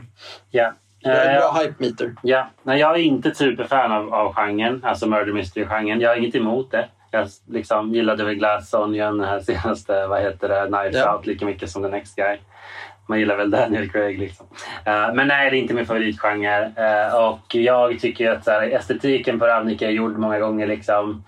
Eh, vi har varit där många gånger. Jag har svårt att bli så exalterad. Uh, också när jag vet vad mer som kommer som känns mycket mer originellt. Så jag skulle ändå 6 av 10. Uh, jag, jag undrar hur de ska lösa att- alltså gameplaymässigt Murder Mystery-biten. Mm, det är klart att de kommer fixa det, men jag vet inte. Nej, jag har svårt att bli överdrivet exalterad. Men det kommer bli nice. Jag gillar också Ravnica. Jag gillar idén med att liksom begränsa det så som vi sa. Ja, 6 av 10. Ja. Men då är vi på 7,3 då. Okej. Eh, Men ja, vad jag började prata om innan det här var att vi kommer få en... tillsammans med det här Murders at Carl of Manors kommer vi också få Ravnica Clue Edition vilket då är ett samarbete med brädspelet Clue. Har du spelat det? Eh, ja, det har man väl gjort. Ja. Cluedo. Absolut. Det är väl det det är va? Cluedo, det är samma sak. Ja, det vill jag påstå att det är. Alltså Cluedo och Clue är i princip samma sak ja. Om inte exakt samma sak. Vad vi vet om det är att det här är då ett till Ravnica Team Product och det är alltså eh, kommer Clue eh, vad heter det, firar tydligen sitt 75-årsjubileum. Eh, och tillsammans med Magic, där kommer alltså då, anledningen att vi ens pratar om det, att det kommer alltså inte bara vara Clue. Utan det kommer vara ett helt nytt spel inom citationstecken. Det kommer blanda Clue-brädspelet med Magic. Du kommer fortfarande använda Magic-kort. Men gameplayet kommer vara eh, helt annorlunda. Det kommer vara multiplayer. Karaktärerna kommer vara från Ravnica, därav namnet. Eh, men annars vet vi inte så mycket mer. Eh, det är weird. Någon slags eh, minigame. Ja. Ja, vad ska man säga? Jag, jag vet inte som jag har spelat det. Åtminstone inte sen jag väl. Jag har svårt att bli exalterad, eh, helt ärligt. Det är, jag, jag vet för lite om Clue och som sagt jag är inte överdrivet såld på temat. Alltså jag gillar det men inte överdrivet såld. Och sen, de har gjort förut här när de försöker göra minigames. Jag tänker på, de gjorde några Explorers of Ixalan typ. Eh, och det var ju värdelöst. Det var ingen som ville det. Alltså folk vill bara spela IDH. Alltså de försöker få oss att spela liksom multiplayer på ett annat sätt, på ett nytt sätt. Men jag tror inte det kommer funka. Alltså folk vill bara spela IDH och möjligtvis play chase. Men, och det känns lite som att så här, jag vet inte hur hög produktions och designkostnaden är för en sån här grej, men kan det inte bara vara ett sätt att få lite buzz runt en produkt? Alltså att folk vill gilla att prata om det. Vad var då Magic Clue? Mm. Och även om folk inte gillar det så blir det ändå att folk pratar om det. Och det är liksom ingen som hatar Nej. hela grejen. Men Sam, jag- jag- samtidigt, ja. just det här får ju hela, hela releasen att kännas som en eventuell stinker, måste jag säga. Det Okej. drar ner den totala peppen för mig. det. Ja. För om folk ogillar det här så finns det en risk att folk börjar liksom ogilla hela skiten också. Att menar bara, expansionen? Ja, det var den jävla Clue-expansionen. eh, jag gillar inte Clue. Man bara, nej, nej, nej, alltså det är en vanlig Magic-expansion. Nej, men jag gillar inte Clue. Jag, jag kör inte den. Ja, jag säger 3 av 10. Eh, sorry. Jag tror, jag tror inte ingen kommer vilja spela det bara. Jag tror vi kommer vilja spela vanlig Magic. Jag tror för köksbordsspelare och för liksom folk som inte är liksom die hard Magic-fans kan det här vara ett superkul sätt att upptäcka spelet. Ehm, jag tror inte att det kommer vara någon homerun för mig. Jag har svårt att se när jag ska spela det här istället för att ta en vanlig Commander-match. Om jag vill spicea till mitt Magic-spelande. Kommer jag testa det? Förmodligen. Alltså förmodligen. Jag ser framför mig hur jag kommer testa det. Gillar jag Cluedo? Det är okej. Ja. Gillar jag Magic? Ja. Ja, jo. Kanske fem av tio. Alltså Ja. varför inte? Jag, jag testar det gärna. Ja. Chris säger det här var inte på min bingobricka och gissningsvis inte en produkt jag kommer att interagera med överhuvudtaget. Rolig idé antar jag. Jag uppskattar att de gör det och att den finns men det är inte för mig. Två av tio. han är hård. Ja, vi får se om några av de unika korten för Cluedo-blocket kommer göra någon impact på Commander eller Just det, jag tänkte inte ens på det att det kan komma unika kort i Clue. ja, men med egna såna Will of the Council-liknande effekter och grejer. Man ska hålla på och rösta ut vem som är... Hoppas inte de blir legacy-legala. Det kommer de vara, Ja, nej. om de inte är Silver Border. Äh, kuken. Ja, ja. Vad blir det här då? Ja, men vi har en stabil 3,3 här va? 3,3, inte så högt. Yes, vi tuffar på. Eh, någonstans eh, här, nämligen ja, i mars till och med, har de sagt, eh, så kommer det komma en till Universes Beyond-produkt 2024. Eh, och det är Fallout. Eh, Fallout, alltså de klassiska dator-tv-spelen. Jajamän. Vad är din relation till Fallout? Att jag spelade tvåan när jag var alldeles för lite och att det var skitsvårt. Jag kom inte så långt. Jag bara blev ihjälslagen av, eh, vad heter de, Brotherhood of Steel hela tiden i början för att jag vägrade vara kompis med dem och de hade såna coola rustningar och bara tokdödade mig. Ja. Nej, men massa relation till Fallout. Så jag har spelat igenom trean någon gång. Jag har spelat fyran ganska mycket och det är väl ett av mina, de spel, roligaste spelen jag spelat på min PS4.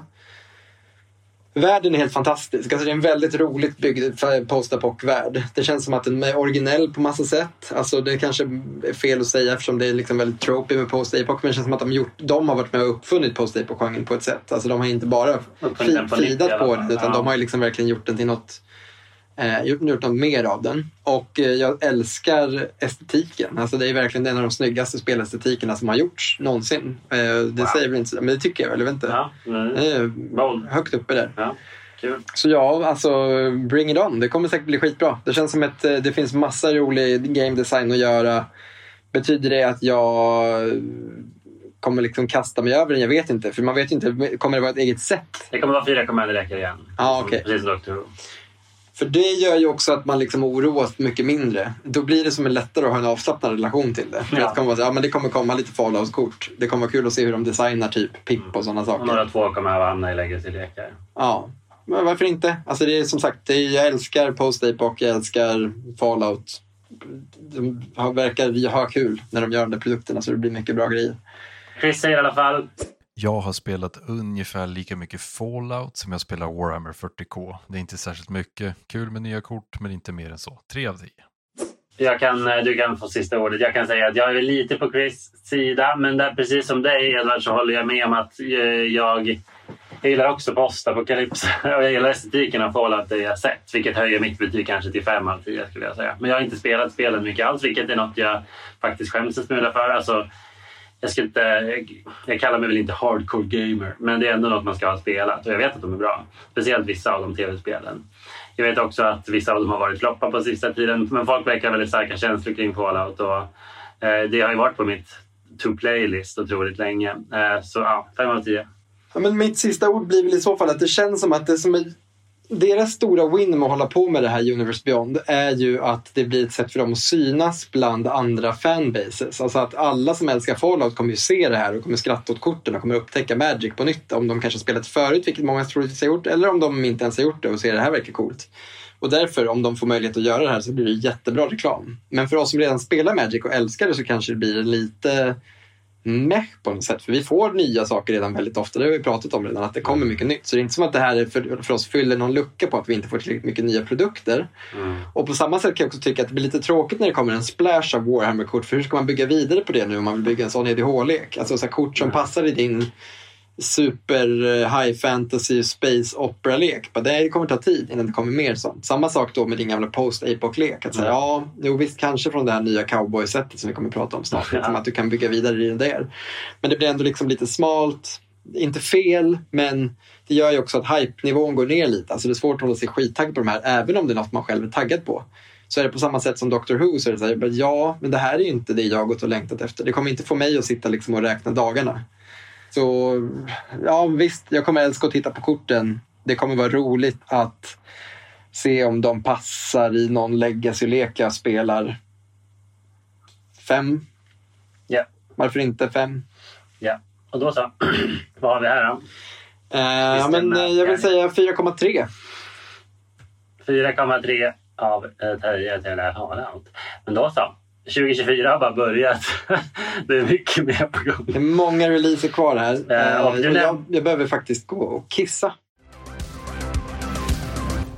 All right, friends. Eh, det är då dags för 2024s andra main set. Vi har alltså fyra stycken per år. Då, då. Mm. Eh, och oh boy, howdy partners! För den, största Magic-memen, eh, inte största, men en stor Magic-meme på sidan av har ju varit Navo vid vilda västern-sättet. Och jag vet inte om jag någonsin trodde det skulle hända, i alla fall inte så här snart. Alltså på senare år har det inte varit så svårt att föreställa sig att de skulle kunna göra det med Inte tanke på vad vi har pratat om redan idag så är det här knappt ens det konstigaste som är på kalendern. Nej, efter Mjuka penna kände jag också att det är möjligt, för där var det också vapen. Och, du Ja, och det var amerikansk kultur. Ja, Warhammer. Jo, jo, men det var ändå Universes Beyond. Visst, men sure, sure.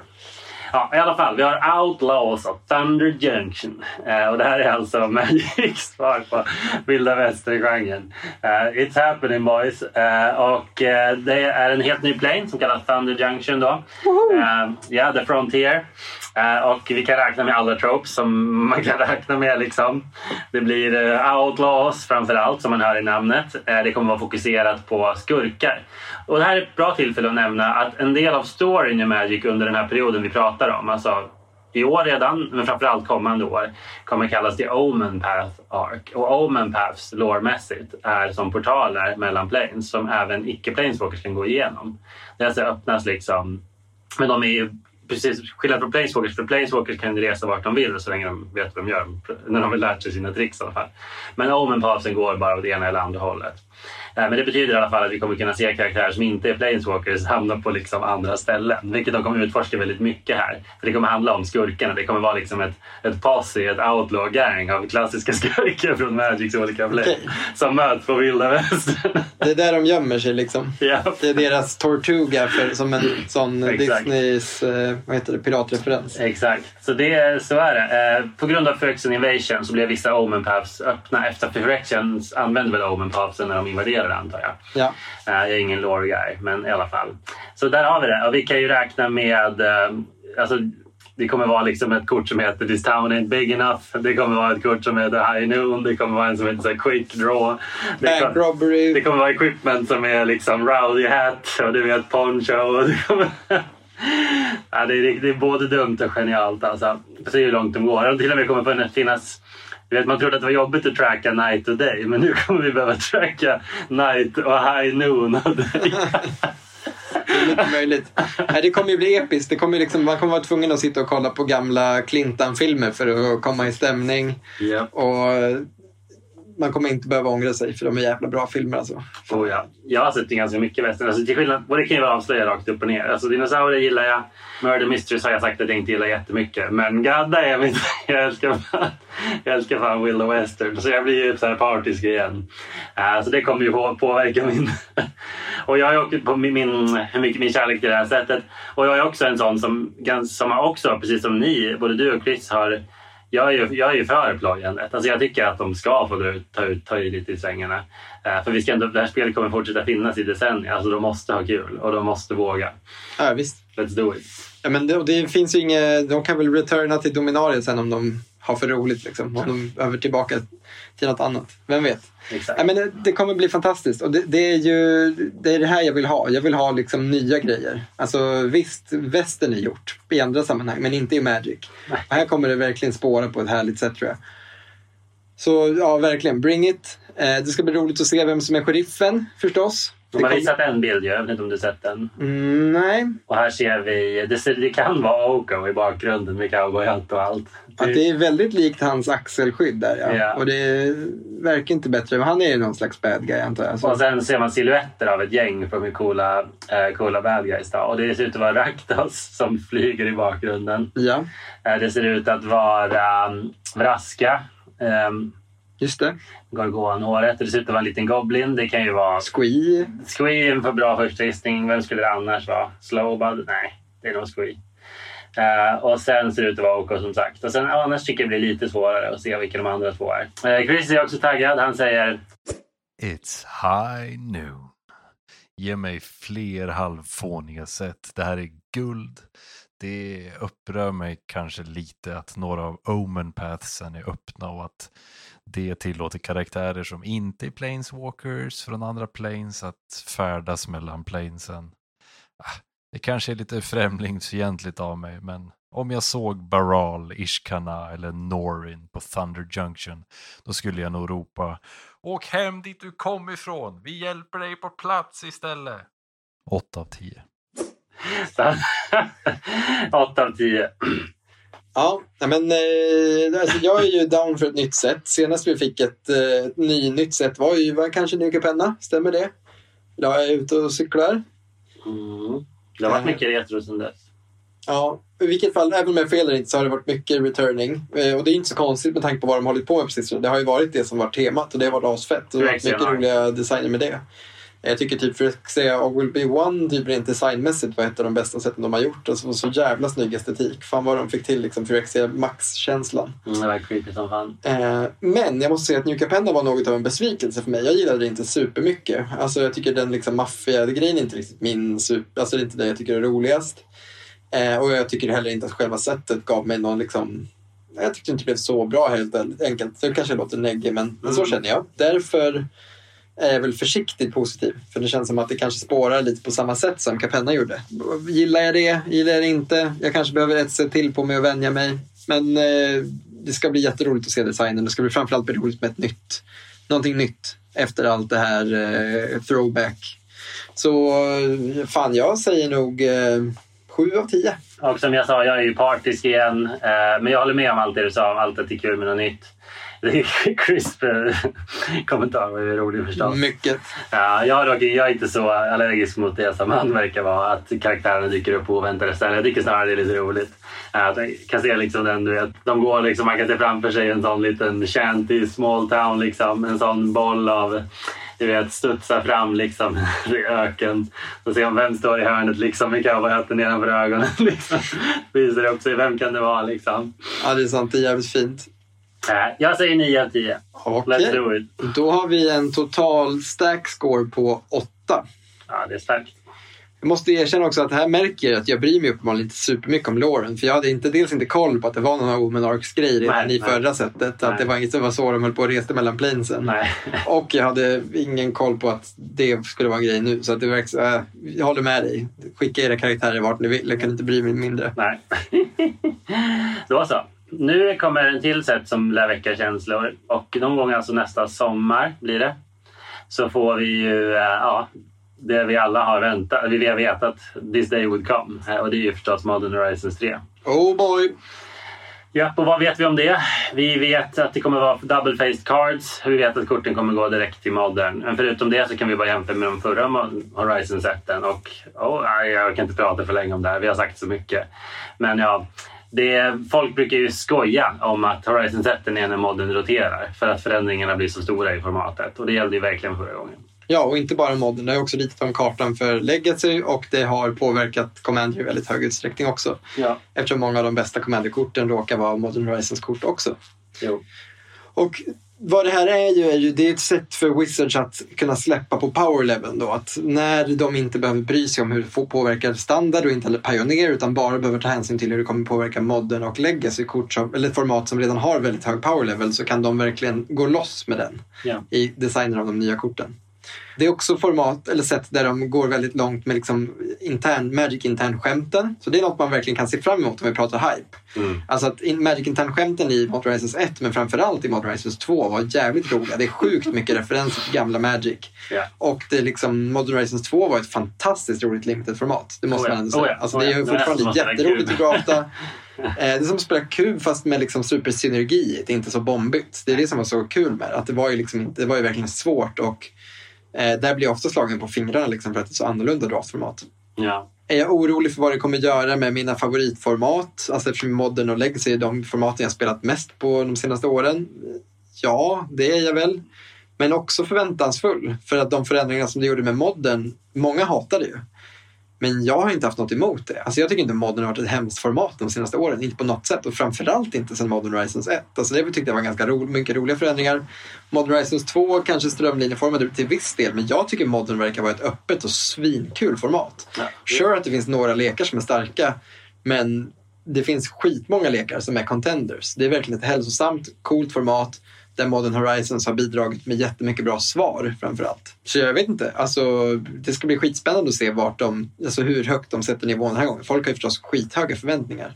Oh, ja. Det ska också bli roligt att se vad de trycker in för value reprints. Mm. Eh, för det är väldigt spännande. Förra gången löste de ju trots allt priserna på Enemy Fetchlands. Ja. För än så länge har de inte gått upp. Det tvärtom. Uh, Marshlands går ju typ under hundringen nu. Ja, runt i alla fall. Och det är ju jättespännande. Verkligen. Ja, jag eh, håller med om att modden är kul. Jag håller med om att det är varierat. Däremot så skulle jag ändå, måste jag ändå flika in att prislappen är obehaglig. Liksom. Alltså, och de här elementalerna. Ja, jag, jag skulle gärna önska att vi kunde trolla bort alla fem. Alltså, Fury har sett till att Go Wide Creature-lekar är dåliga, alltså mer eller mindre. Endurance ser till att gravlekar är dåliga mer eller mindre. Alltså det är it's too damn much. Och, och dessutom scam-strategin, den är nasty. Alltså det är inte kul att bli trippelgripad liksom tur ett. Nej, jag är orolig också. Eh, och modden hade sett bättre ut utan vissa Modern Horizons-kort. Sen är det andra som är väldigt roliga och väldigt bra. Så nej, jag vet inte. Jag, jag är orolig. Eh, men, det, men jag håller helt med om att limiterformatet är toppen.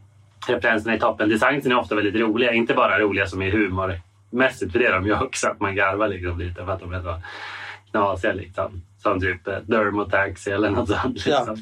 Eh, Eller för att det är en härlig referens som att Torak fick sitt eget kort och sådana där saker. Eller Asmodan är Mardida Kaistinen Kullakar. Liksom. Det är ju hur roligt som helst på alla sätt. Liksom. Everybody love that. Ja, Men nej, jag, jag är orolig. Eh, Jag är orolig och taggad samtidigt. Jag skulle säga nej, 7 av 10. men ja, men vi- ska inte fastna i att diskutera och recensera Modern Horizons 2 heller. Nej, Eh, precis, du, du är 7 av 10 på grund av din oro för vad Ja. det kommer göra med formaten. Ja, och prislapparna. prislapparna. Men ja, prislapparna är väl eh, en nasty detalj men det vägs ju i moderns fall ganska mycket upp av att fetcharna har blivit mycket billigare, Ganska antar jag. Så jag menar, det, det balanserar sig kanske lite. Men, men visst, det, det är en tråkig detalj att det har blivit Chase Mythics eh, som påverkar hur jobbigt det är att börja spela formaten. Absolut. Och det, men det kan man ju... Det gäller ju inte bara för Modern Horizons. Det är ju sant för nya sätt i allmänhet. Alltså typ Shieldred, Jo. inte ett Modern Horizons-kort. Nej, visst, visst. Innan du droppar ditt omdöme kan jag säga att Chris är väldigt positiv. Han säger Här antar jag att det förväntas att jag ska uttrycka oro inför att MH3 kommer att skaka om modden så mycket att det blir helt oigenkännligt eh, en gång till. Men ja, jag vet inte, jag känner tilltro till Wizards, att de klarar av att släppa starkare sätt utan att strula till allt. De har visat på MH2 att det var mycket bättre än MH1 på den fronten och jag hoppas och tror att MH3 kommer vara ännu bättre designat. Det är också en jättestor fördel att det kommer gå att drafta på arena. Så det här är nog sättet jag kommer drafta absolut mest under året. Kanske någonsin. 10 av 10. Men jag har också väldigt höga förväntningar. Det är sant, Kristoffer sätter också ordet på mina tankar bra där. Alltså, nej, men jag, jag kan bara instämma i att jag inte heller är särskilt orolig. Jag tycker att det känns väldigt kul. Jag vet att Modern Races 2 har bidragit i mitt, alltså nu det är väldigt individuellt, i mitt liv med väldigt mycket kul Magic-spelande. Det har inte gjort mig otaggad på formaten. Tvärtom, när jag har varit inne i formatet så har Modern Races 2-korten känts jätteroliga. Och lekbygget runt om har känts skitroligt. Och det har fötts fler arketyper. Det här vågar jag ändå sträcka ut.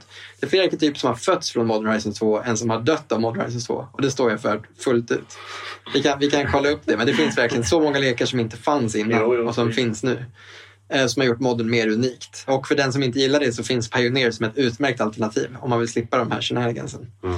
Och lagom tills att Pioneer Horizons börjar bli en grej så lovar jag att Wizards kommer lösa det med ett nytt sånt eh, format som inte påverkas av det. säkert. Jag säger, eh, också, jag säger 8 av 10. Eh, 8 av 10 från mig. Yes, så vad har vi då? då? Ja, men eh, det sammantagna poängen i så fall blir ju 8,3. Yes, vi fortsätter. Vi, vi är inte klara riktigt än. Eh, vi är fortfarande 2024. Vi har en del kvar. Vi har en till Universes Beyond. Det här tänker jag att vi inte kommer behöva prata jättelänge. Eh, men det är ett till tv-spel och det är Assassin's Creed som kommer komma. Inte, det här kommer inte heller vara ett helt set, precis som... eh, eh, det kommer inte vara som lotter, utan det kommer, jag antar att det kommer vara Commander-lekar. Assassin's Creed, har du någon relation till det? Nej, nej, jag har spe- testspelat någon gång. Det känns... Det är inte alls min grej. Eh, någon stor Xbox-franchise vill jag säga. Kanske funnits till PS också. Men eh, nej, Assassin's Creed är inte min kopp te. Så det här faller liksom helt utanför mina referensramar. Det kommer för övrigt, äh, läser jag här, det kommer inte vara Commander-lekar utan det kommer vara en ny produkt som de kallar Beyond Boosters. Istället det som Set Boosters ungefär, fast med kort från det. Ja, som inte ska gå att drafta. Jag har också läst att Assassin's Creed, den sjukaste grejen med det är att det blir modern legalt. Okej. Eh, Så Assassin's Creed-korten kommer vara precis som Lotter-korten, att de kommer vara printade in i modern legality. Så det är väl liksom den stora grejen, men det känns som att det gör mig bara, den grejen påverkar inte min tagg särskilt mycket. Det är så här, ja, det är, det är kort. Och det, dels börjar det bli så långt fram i tiden nu att det påverkar peppen kanske lite mindre. Alltså or, Mm. oron är verkligen inte en faktor för mig. Peppen är, alltså att det just är Assassin's Creed med det känns lite eh, spännande att de experimenterar med vilken liksom legality de har. Men det känns lika mycket som att det kan bli bra som att det kan bli dåligt. Det är så här, ja, vi får väl se. Magic förändras i alla fall och det är intressant att få vara med om det. Ja. Jag har inte heller någon relation till Assassin's Creed. Assassin's Creed känns precis som Walking Dead eh, som en IP som är ganska kall, helt ärligt. Alltså när Assassin's Creed kom, den första, det är länge sedan nu, 15 år sedan minst säkert. Då var det superhype. Alltså det var ju jättefräscht, nytt, grafiken var otrolig. Eh, men sen dess har de ju, det är Ubisoft som gör det här och Ubisoft har väldigt dåligt rykte i tv-spelsvärlden. De pumpar ut väldigt snarlika uppföljare väldigt ofta. Och Assassin's Creed har haft eh, väldigt låg status skulle jag säga. Alltså de, det har blivit väldigt så här, generic open world-spel. Eh, på ett sätt som Elden Ring sen kom in och bara mosade på. Så här, visade så här, så här ska det gå till. Liksom. Ingen orkar med det här gamla upplägget. Liksom. Ja. Jag har spelat väldigt lite Assassin's Creed så jag, min pepp går ner väldigt mycket och som jag sa, jag har inte ens en positiv bild av det. Det enda positiva jag kan säga är att det känns ju absolut ganska magic. Alltså det är mycket svärd, du vet, det är så här, de utspelar sig oftast liksom i eh, kanske i någon slags oklar dåtid, kanske ett antal hundra år sedan. Eh, Men du vet, det, Jag har också att de lite reser mellan världar, i alla fall i tider Ja. då, men Jo, jo. det är också väldigt magic. Nej, Det tycker det passar in. Så därför, det, det gör mig lite, det gör mig mindre orolig. Det kommer inte, liksom, det kommer inte kännas så konstigt liksom heller att se en, någon med en upp, utfällbar kniv liksom, i ett gatuhörn. Det har man ju sett förut. Ja. Men eh, trots det, jag, jag kan inte bli särskilt taggad. Men- tre av tio från mitt håll. Universe Beyond Booster känns också som en lite så läskig grej. Dels som Okej. butiksägare så kan man tänka, är det en till booster vi behöver köpa in utan att veta alls vad folk kommer tycka om den i slutändan. Så man antingen köper in alldeles för mycket eller alldeles för lite. Ja. Ska folk liksom behöva stå och rippa Assassin's Creed boosters nu också? Vad är det som händer? Assassin's Creed, more like Assassin's Creed, am I right? Nej, men vi får väl se. Jag, jag, är- hela Universe Beyond-grejen är svår att ha en så här 100% eh, för mig i alla fall. Svår att ha, alltså jag är varken jättetaggad eller otaggad. Nej.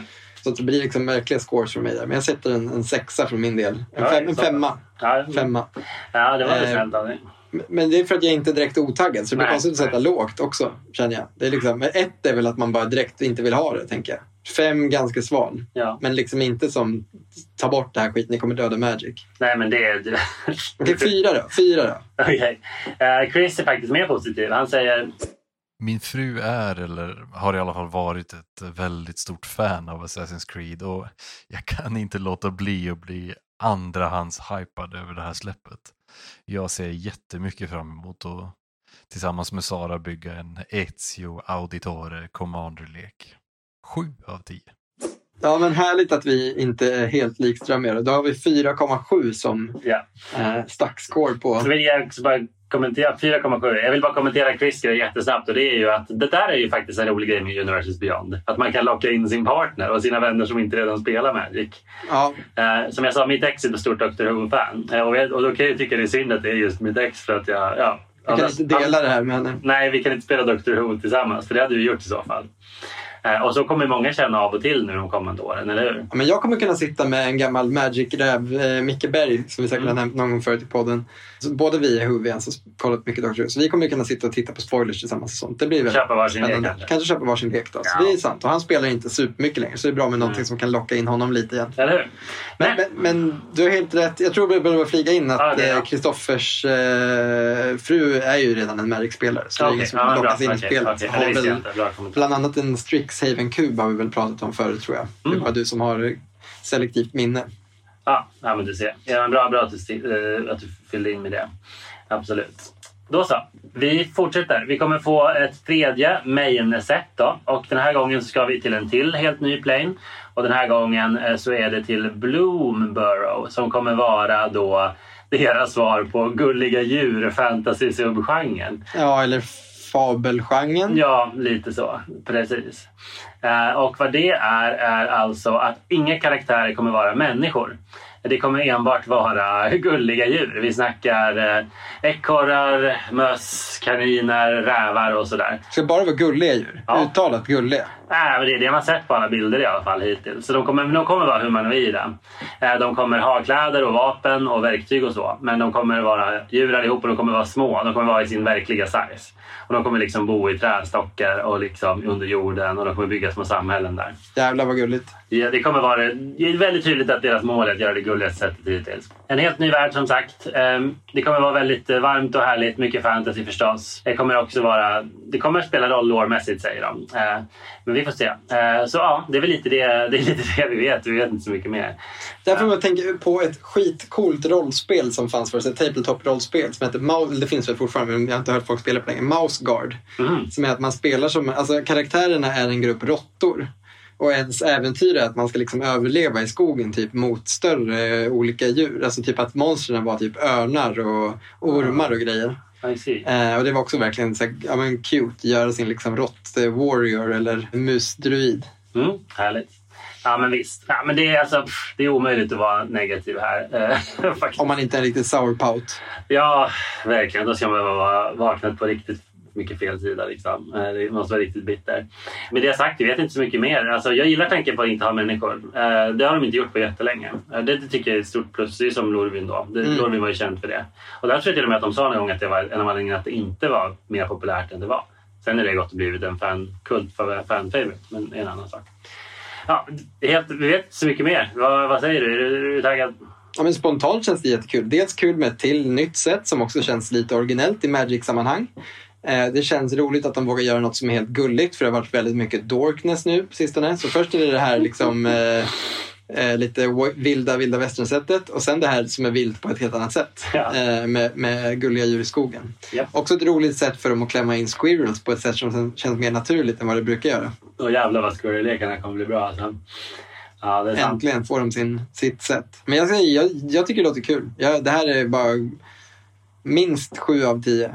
Ja, 7,5 kanske. det får du inte säga. Men det, Vi då kan lyssna på Chris kommentar först. 7. Okej. Eh, han säger också sju faktiskt. Han säger Ett mysigt plane med massa gulliga människodjur. Ja, tack.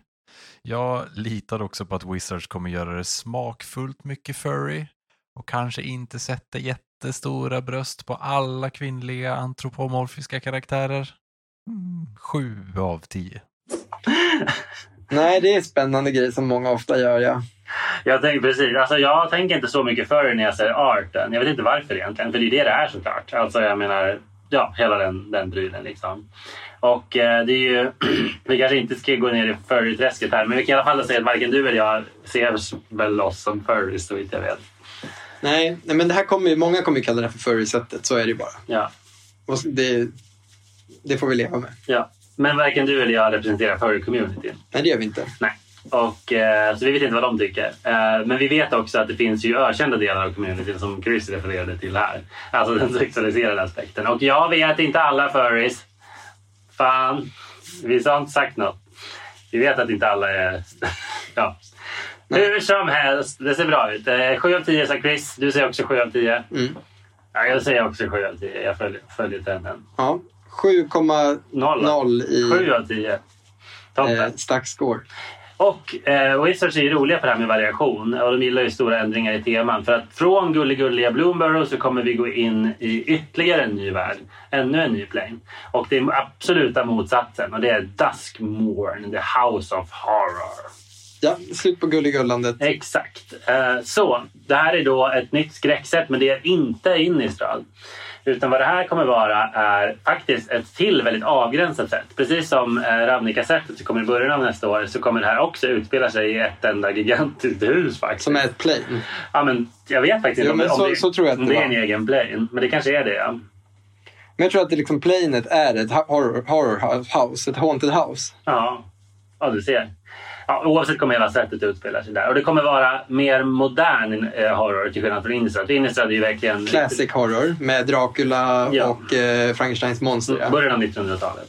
Eh, Ja, nu tänker vi mer eh, The Conjuring och eh, spök, spök liksom Även 70 Evil, Evil Dead och... Ja, precis. 80-tal också. Ja. Och till och med 70-tal har de sagt.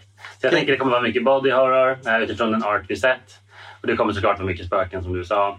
Eh, ja, alltså det, vi, vi kommer säkert se en del liksom kanske så ganska gruesome de kommer nog pusha gränserna för gore också. Det ser ut så, det lilla jag sett. Liksom. Det är ju roligt att de väljer att göra de här sätten back-to-back. Det kommer verkligen visa på Magics bredd på ett sätt. Att vi kan göra allt från gulliga eh, ekorrar till folk som blir liksom styckade av eh, slaktare på sträckbänkar. Japp. Och vi kan göra det inom loppet av ett halvår. Någon tortyrmekanik eller madness-mekanik kommer vi säkert se. Alltså, De faktiskt- som lockas in av ekorrarna kommer få sig en rejäl, eh, ett rejält uppvaknande ganska kort därefter. Exakt, det kommer få en hink med blod i ansiktet. Ja. När man, man, först kommer man på furry-prällen där hela personalen har klätt ut sig till gulliga djur och tar emot den med liksom så här eh, hasselnötskakor. Och så Ja. kommer man på nästa präll och då får man liksom en yxa i magen det första som händer när man kommer in och bara nu är det min. Exakt, med fejklinser och fejkblod över alla. Riktigt blod. Ja, helst ja. Det Mm. kommer vara olidligt att vara på, på prällen. Det kommer liksom lukta så illa på den här prällen. Så folk kommer liksom... Som en vanlig prälle med andra ord. Det kommer lukta värre Det kommer lukta illa på ett annat sätt. Exakt. Wow. Ja, Ja. Men ja, det här är ju 100% min kopp te. Jag älskar skräck. Ja. Skräck är liksom, om jag får välja en sån huvudgenre som jag har varit mest liksom tagen av. Sen jag är ju jättelättskrämd också. Jag tror det är därför jag älskar skräck så mycket. För att jag verkligen rycks med och blir rädd på riktigt. Ja. Och det väcker starka känslor. Men egentligen så kanske jag är ett större fan av den gamla skräcken. Alltså den liksom, det vi pratar liksom Innistrad. De referenserna är ju mer Edvard egentligen. Okej. Medan det här nya är ju, tycker jag är kul. Mm. Eh, populär, populärskräcken liksom. Och därför kanske jag är ändå bara en nia. Men det här är nära en tia för mig. Det här Ja, är sånt som jag älskar. Alltså jag kommer verkligen mysa i det här gulliga och tycka att det är jätteskönt efter liksom det här stora kriget och allt som har varit med. Mm, mm, mm. Men fan vad man kommer efter det vara sugen på något sånt här. Ja. Där de liksom, man får rensa paletten med riktigt jävla mörker. Ja. Och bara elände och skit. Ja. Och liksom en prälle där man bygger ett haunted house i något av rummen. Eller en sån här escape room där man ska sluta med att man ska skjuta sig själv i huvudet eller något sånt. Ja. Det är asbra. Eh, så jag säger 9 av 10 kan vi snabbspola till slutet nästa år. Underbart. Ja, men roligt att du är taggad. Eh, Chris säger i alla fall jag är ett stort fan av eh, Call of Cthulhu och det känns som att det här sättet lutar sig mer in i skräck än vad både Innistrad och Phyrexia har gjort. Jag förväntar mig mycket mörker, otäcka flavortexts och en hel del body horror. Mums. 8 av 10. Alltså ja, peppen är stor. Jag tror också jag är mellan 8 och 9 av 10 faktiskt. För att jag, är också, jag är faktiskt också stort skräckfan. Uh, eh, jag gillar just det här att de vågar avgränsa sig, testa något nytt. Jag vågar att de, gillar att de vågar testa skräck utanför innerstad. Och jag gillar gärna att det är liksom, ja, men en helt ny hemsk värld. Då. Så uh, ja, mycket spännande. Men uh, ja, vi vet lite för lite tror jag innan jag kan liksom bli sådär vråltaggad. Så Jag skulle också säga 8. Jag säger också 8. Men det fan nära vi 9. 8,3 i eh, stackscore. Och jag kan väl också bara flika in att jag tycker All Will Be One visade de verkligen hur de med sin art och sin liksom resurser runt artwork kunde göra väldigt obehagliga och coola grejer. Det gör också att jag blev väldigt taggad på det här. För jag tycker det var första gången på ganska länge som jag verkligen satt och göttade mig i Magic Art. Och Mm. verkligen tittade mycket och länge på liksom, vad heter det, wallpaper-bilder av Magic Art. Mm, mm, mm. Och liksom, ja, fan vad snyggt det var. Och jag tänker här kommer de verkligen komma till sin rätt igen då. Ja, men verkligen. Ja, eh, då så. Och nu hoppar vi faktiskt till 2025 och framåt. Och nu kommer vi ha väldigt lite info om allt här. Så jag tänker att vi kan säkert vara lite snabbare här också.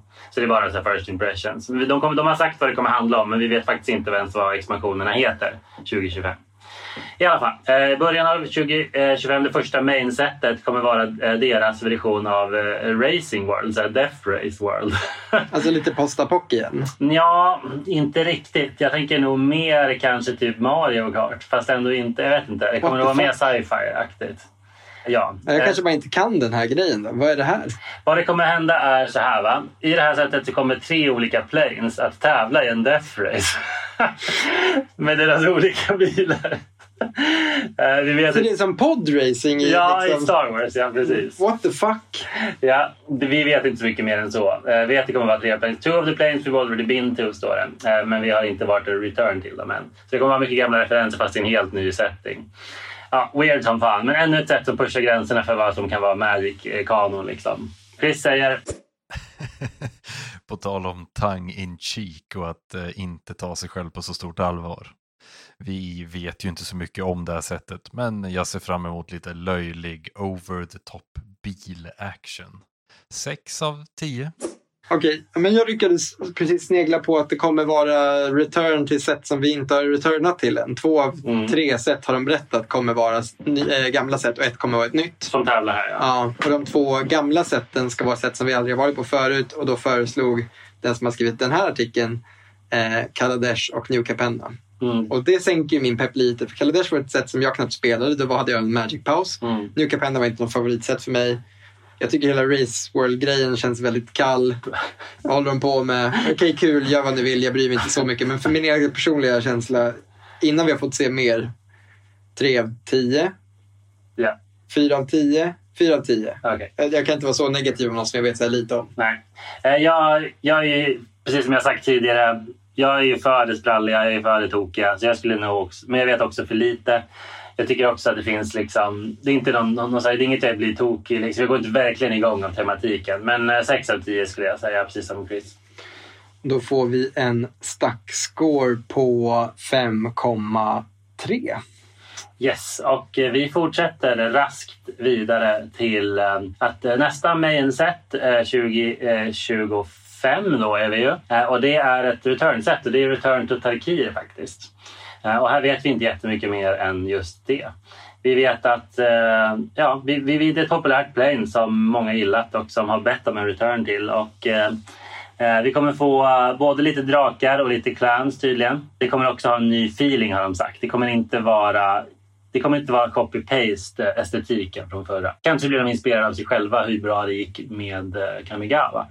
Så kanske kommer det vara liksom en helt annan tid där liksom det här samhället, civilisationerna har utvecklats. Liksom. Chris säger Utan att ha så mycket att gå på förutom att det blir mer Tarkir så kan min hype bara sträcka sig så långt 5 av 10. Tarkir är lite som ett, eh, ett svart hål för mig, för då spelade inte jag. Det var liksom under mitt, min längsta Magic-paus som jag haft. Eh, och jag tyckte att den var... Alltså jag, jag var liksom inte helt borta från Magic. Det är klart jag rörde kort och, och spelade lite grann och körde non-draft och sådär. Men jag har liksom inget jättestarkt intryck av det. Annat än att jag, det var reprinsen av fetcharna, att det var väldigt poppis. Kanske att de reprintar fetchar igen då. Det var väl en grej. Bra, kul. ja. Eh, men samtidigt, eh, alltså, det är roligt när de eh, återbesöker sätt som... Alltså, om, om de ändå ska göra det, gör det med sätt som ni inte har gjort på ett tag. Då. Eh, liksom inte, inte alltid komma tillbaka till Ravnica och Innistrad och eh, eh, Zendikar. Utan nu vill, då vill vi gärna ha sätt som ni bara varit på en gång så vi får uppleva mer av dem och Mm. där de får liksom utmana sig. Kanske som du sa, med tidsresande. Varför inte? Men ja, det är jättesvårt att ha en stark åsikt om någonting som man vet så lite om. Eh, jag landar väl på det. Så hur otaggad kan man ens vara? Nej. Kanske sex då? Okej.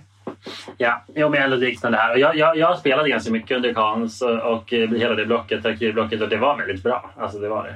Och hela grejen med liksom eh, mongoler på steppen, det är liksom, det är nice. Alltså det, Man älskar ju hur. Ja, men exakt. Man gillar bandet The Who och man gillar ju liksom den estetiken. Uh, crush your enemies, see them driven before you. Falcon on your wrist, the wind Jo. in your hair. Det är nice. A fleet horse at your feet. Ja, visst. Det är vackert. Eh, men jag håller med, det är svårt att bli överdrivet taggad. Det blir nog bra. Eh, 6 av 10 vi börjar få slut på saker och det är tur det.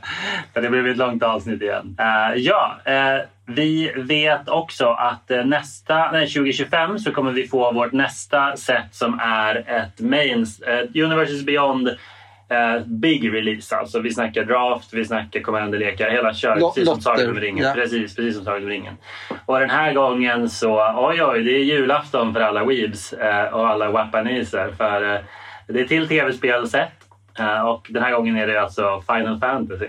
Ja, och det är väl en av de mest utvecklade spelvärldarna tillsammans med Magic får man väl säga. Den har funnits väldigt länge och liksom har ett, ett enormt following. Ja. Men vad fan, ska man, jag, jag kan gå ut och sätta ett betyg snabbt då. För jag har spelat Final Fantasy när jag var liten. Mm. Eh, så många i min, i min ålder, alltså om man är född liksom 89 så har man typ förmodligen spelat det som i Europa kallas för sjuan. Och som jag tror typ i Japan kallas för fyran. Jaha, okej. Eh, Men det är skön, det är så jag, jag har hört. Ja, det, det är liksom den stora. Alltså, eller den som många förknippar tror jag med Final Fantasy. Och eh, det var ju skitbra. Det är ett ashäftigt spel. Kul. Men kan man säkert bygga asmycket roliga tropes om. Det finns hur många karaktärer som helst. Massa ikoniska fiender och monster. Ja, Så det kommer vara lätt för dem att hitta stoff i alla fall. ja. Med det sagt så får man också säga att det här är ju Modern Horizons. det här är ett sätt för dem nu att släppa Modern Horizons en gång om året. Mm. Så det är lite spännande att de visar att de tänker fortsätta med det. Ja. För man kan numera inte förneka, tycker jag, att Lord of the Rings är liksom Modern Horizon Impact-nivå på de eh, Eternal-formaten. Nej, det är det inte. Inte samma nivå. Det är det absolut. Det är större impact på Legacy än vad Modern Horizons 2 hade. Åtminstone Nej. lika stor. Igen, free spelsen. Alltså, och fucking, nej, det kan inte stämma. Alltså, jag håller med om att det är stor impact, men det- jag vill inte jämföra med... Nu börjar vi här igen med Modern Horizon. Det är roligt att vi tycker olika för Ja. det är bra sån dynamik. Men jag vet inte om du, du, du kanske inte tittar lika mycket på eh, Legacy-videos nu som jag gör. Ja, men just nu är ringen och Bowmasters överallt. Men Det har ändå gått några månader nu. Om det bara var nöjesbehag så hade det slutat. Visst, I guess. Det kommer liksom nya lekar med ringen ja. och nya lekar med Bowmasters. Det kommer nya lekar med de andra. Typ den här Common Land Cycler-cykeln har liksom förändrat hur många Ja, länder man spelar i Legacy-lekar och Modern-lekar. Framförallt i Legacy så ser tre av dem, två av dem ser rikliga mängder spel. Jo. På ett sätt som du kanske inte ens ser något av. Jag vet inte, det, det, man behöver inte säga om det är mer eller mindre, men det är en stor impact. Jo, och det är- det är liksom åtminstone i liksom samma kategori som Modern Horizons. Så man kan, det här är ju Modern Horizons releaser. Jo, visst. Sen kanske de inte har liksom exakt samma power level, men de är åtminstone lika. Man kan vara säker på att komma tio, minst tio kort som kommer till spel i Legacy-modden. Förmodligen, ja. Absolut. Däremot har de inte den ambitionen eh, på samma sätt. Eh, Men varför skulle de inte tänka på pengar i det här fallet? Hur säljer man väldigt många Magic Boosters? ja, i det här fallet så har de ju... Självklart, du har ju rätt, men det finns ju med University Beyond så finns det ju en annan morot. Alltså de har en annan, de har, de har en annan prioritering. Som ska få är- folk att betala 100 kronor Det är ju att göra fanbasen glad. Alltså de har ju den, det behovet. Det har de inte med Modern Horizons på samma sätt. Alltså det är en väldigt... Det är Jag tror inte de tänker så. Jag tror verkligen inte det. Alltså jag tror att de, för de vet att de måste ha ett gäng chase-kort för de största formaten i sättet Visst. för att kunna sälja produkten över tid. Absolut, absolut. Men sen är det jag tänker att casual fans, commander fans och så här fans och specifika IPS som Final Fantasy. Jag tänker ändå att den målgruppen är ju inte modern-spelare. De kommer säkert inte börja spela modern eller legacy. De, vill ju, de köper en commander-lek. Så hur får du modden och Legacy-spelarna att köpa det? Det är det som är de ska intressant. man också få in och då gör man så som du sa. Absolut. Jag menar bara att, så här, att de har två målgrupper här till skillnad från Modern Horizons. Liksom. Absolut. Nej, så det blir en större del av designen som går ut på något annat. Men Exakt. de kommer ändå behöva vi- viga Ja. en stor del av Ja. designen åt... Ja, jag vet inte. Det- Jag tycker ändå att det, är- det finns ett ganska starkt argument för att det, det är liksom Modern Horizons light åtminstone. Det håller jag med om. Det kan, vi kan handla där. Light i alla fall. Hur som helst. Final Fantasy alltså. Stora. Svärd. Stora pattar, stora svärd. Som också stora är pistoler. Stora frisyrer. Eh, extremt melodramatiska storylines som är helt obegripliga. Ja, man, och även för de som är insatta. All the things Japanese people and their fans love. Eh, det, blir, eh, det blir vad det blir. Jag är inte Final Fantasy-fan och eh, tvärtom om jag får trigga lite fanbase så här. När jag ser det från avstånd så blir jag inte sugen. Eh, Utan det känns snarare som att det har alla dåliga sidor av anime. som jag just sa. Förlåt, men lite så. Sen fattar jag att det är bra spel, självklart. Annars skulle de inte vara så stora. Men igen, obegripliga stories. Extremt så överdramatiska tonårspersoner. Eh, men det är klart att det finns otroligt mycket grejer att hämta ifrån här och det kommer vara en hyfsat bra match med Magic. Eh, happy for you guys, I guess. Men du sätter... Jag sätter väl tre av tio. Eh, jag kommer ändå drafta det och jag vet att det är hur bra de är på att designa så det kommer inte vara dåligt. Men jag kan nog klämma ur med en fem av tio. Det känns jobbigt att veta att man behöver tänka om. Det känns jobbigt att inse att man behöver tänka om hur man spelar Eternal- Eternal-formaten minst en gång om året från och med nu. Men det är väl bara så det är och det är dags att vänja sig. Men vi börjar ju bli gamla. Det är jobbigt att lära sig nya saker. Chris säger i alla fall Här skulle jag nog ha sagt något i stil med, det här är säkert jättespännande för vissa men det är en produkt jag inte kommer att interagera med. Men det är ju en full release, precis som Tales of Middle Earth. Så jag antar att jag kommer drafta sättet i alla fall, säkert tio gånger. Men ja, fyra av tio. Men vi har eh, fyra av tio va? Eller fyra? Jo. Gött. Okej. Nästa mainset vi får 2025 är eh, också något vi vet väldigt lite om. Det kommer vara, det är kodnamnet Volleyball och det kommer vara Magic svar på Space Opera. Så alltså Star Wars. Star Wars, Dune. ja, typ så. Ja, alltså What's Not To Like antar jag. Alltså varför Ja. inte? Jo, men lite så. Eh, De ger sig tillbaka, nu har vi fått lite nya sätt här. Nu ger de sig tillbaka liksom in i ny mark. Eh, fast i form av att de tar en trope de inte har gjort än och gör ett sätt av det. Ja. Men det känns som den logiska fortsättningen av att haft Kamigawa som testade lite sci-fi. Capenna testade kanske inte sci-fi men det testade i alla fall gränserna lite grann. Alltså, de hade ju skjutvapen-ish. Liksom. Mm. Eh, och också eh, Un- Infinity som inte var någon hit på något sätt. Nej. Det var också deras sätt att verkligen gå loss med sci-fi-grejer. Självklart Silverboard mycket, men ändå. Så det här är väl logiskt att de också att det kulminerar. Infinity var väl ändå en hit bland många. Väl, fan vad folk arga folk var. Och stickers alltså. Och, Jo, det är sant. Men det var ju liksom an-grejen mycket. Ja. Men folk älskade länderna. Det gjorde vi. Absolut. Men det är sant, stickersarna sög. Och det förstörde draftformatet helt och hållet. nu har du rätt. Har- you won me over. Ja, och attractions också. Det var väldigt rörigt. Jag skulle gärna dra den en gång till dock. Jag tror att det hade, hade något. Men i alla fall. Eh, hur som helst, Chris säger Science fiction space opera. Jag tror inte jag behöver säga mer. Eller ja, vi vet ju inte mer heller. Sju av tio. Nej, men eh, jag tror också att det här kommer vara skitcoolt. Om de väljer att göra något mörkt av det tror jag kan bli riktigt bra. Alltså typ som åt Dune-hållet snarare än Star Trek-hållet. mm, Eh, det känns som att det passar Magic bättre. Ett bra tillfälle för dem att göra något sånt. mm, Men oavsett vilket så kommer det vara roliga referenser kombinerat med nyskapande. Roligt att se eh, Planeswalkers med rymddräkter. Space Jays. Space Jace på riktigt. Ja, exakt. För han är redan. Han finns ju. Ah, ja. Mm. Nej, men vi kör. Varför inte? Eh, 6 av 10. Jag tror att eh, jag är positiv men jag vet för lite. ja, samma här. Jag säger väl också det. 6 av 10. Då är vi på 6,3 i stack score. Yes, vi börjar närma slutet här. Men innan 2025 är slut så ska vi få något väldigt eh, efterfrågat och väldigt eh, publikfriande kan man säga. Och det är ju Return to Lorvin, äntligen.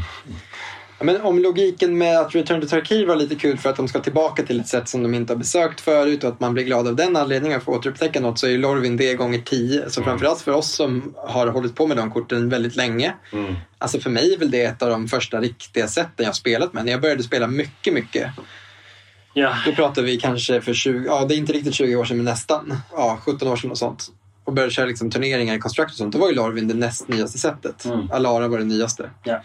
Och fan vad nice det var. Alltså det är verkligen sånt himla... Temat är spot on. De nya mekanikerna är skit, var skitbra. Nu kanske de känns lite mid men då, för den tiden var de liksom ändå roliga. ja. Creatures börjar bli bättre. Det är en sån här klar markör i Larvin att creature power level ökar ju kraftigt där. Jo, men det stämmer nog. Så jag vet inte, det, det känns som att Lorvin är liksom där moderna Magic börjar uppstå lite på många sätt. Tillsammans med Mirrodin eh, för mig. Ja. Och eh, det ska bli roligt att se. Det är sjukt att det tog så lång tid. Alltså vadå, hur lång tid pratar vi?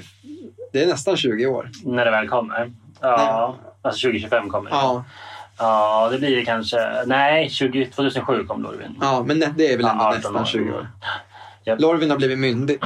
Nu får det komma ut i verkligheten igen. Kodnamnet för eh, det här sättet är wrestling. Eh, Och du vet, kodnamnen har ofta inget att göra med... Så, Nej, det är bara det är vad de kallar det internt. Ja, exakt. Chris säger Jag är glad att wrestling bara är designnamnet och att det inte har en koppling till sättet. Wrestling på Lorwyn, eh, det kan faktiskt bli lite för fånigt även för min smak.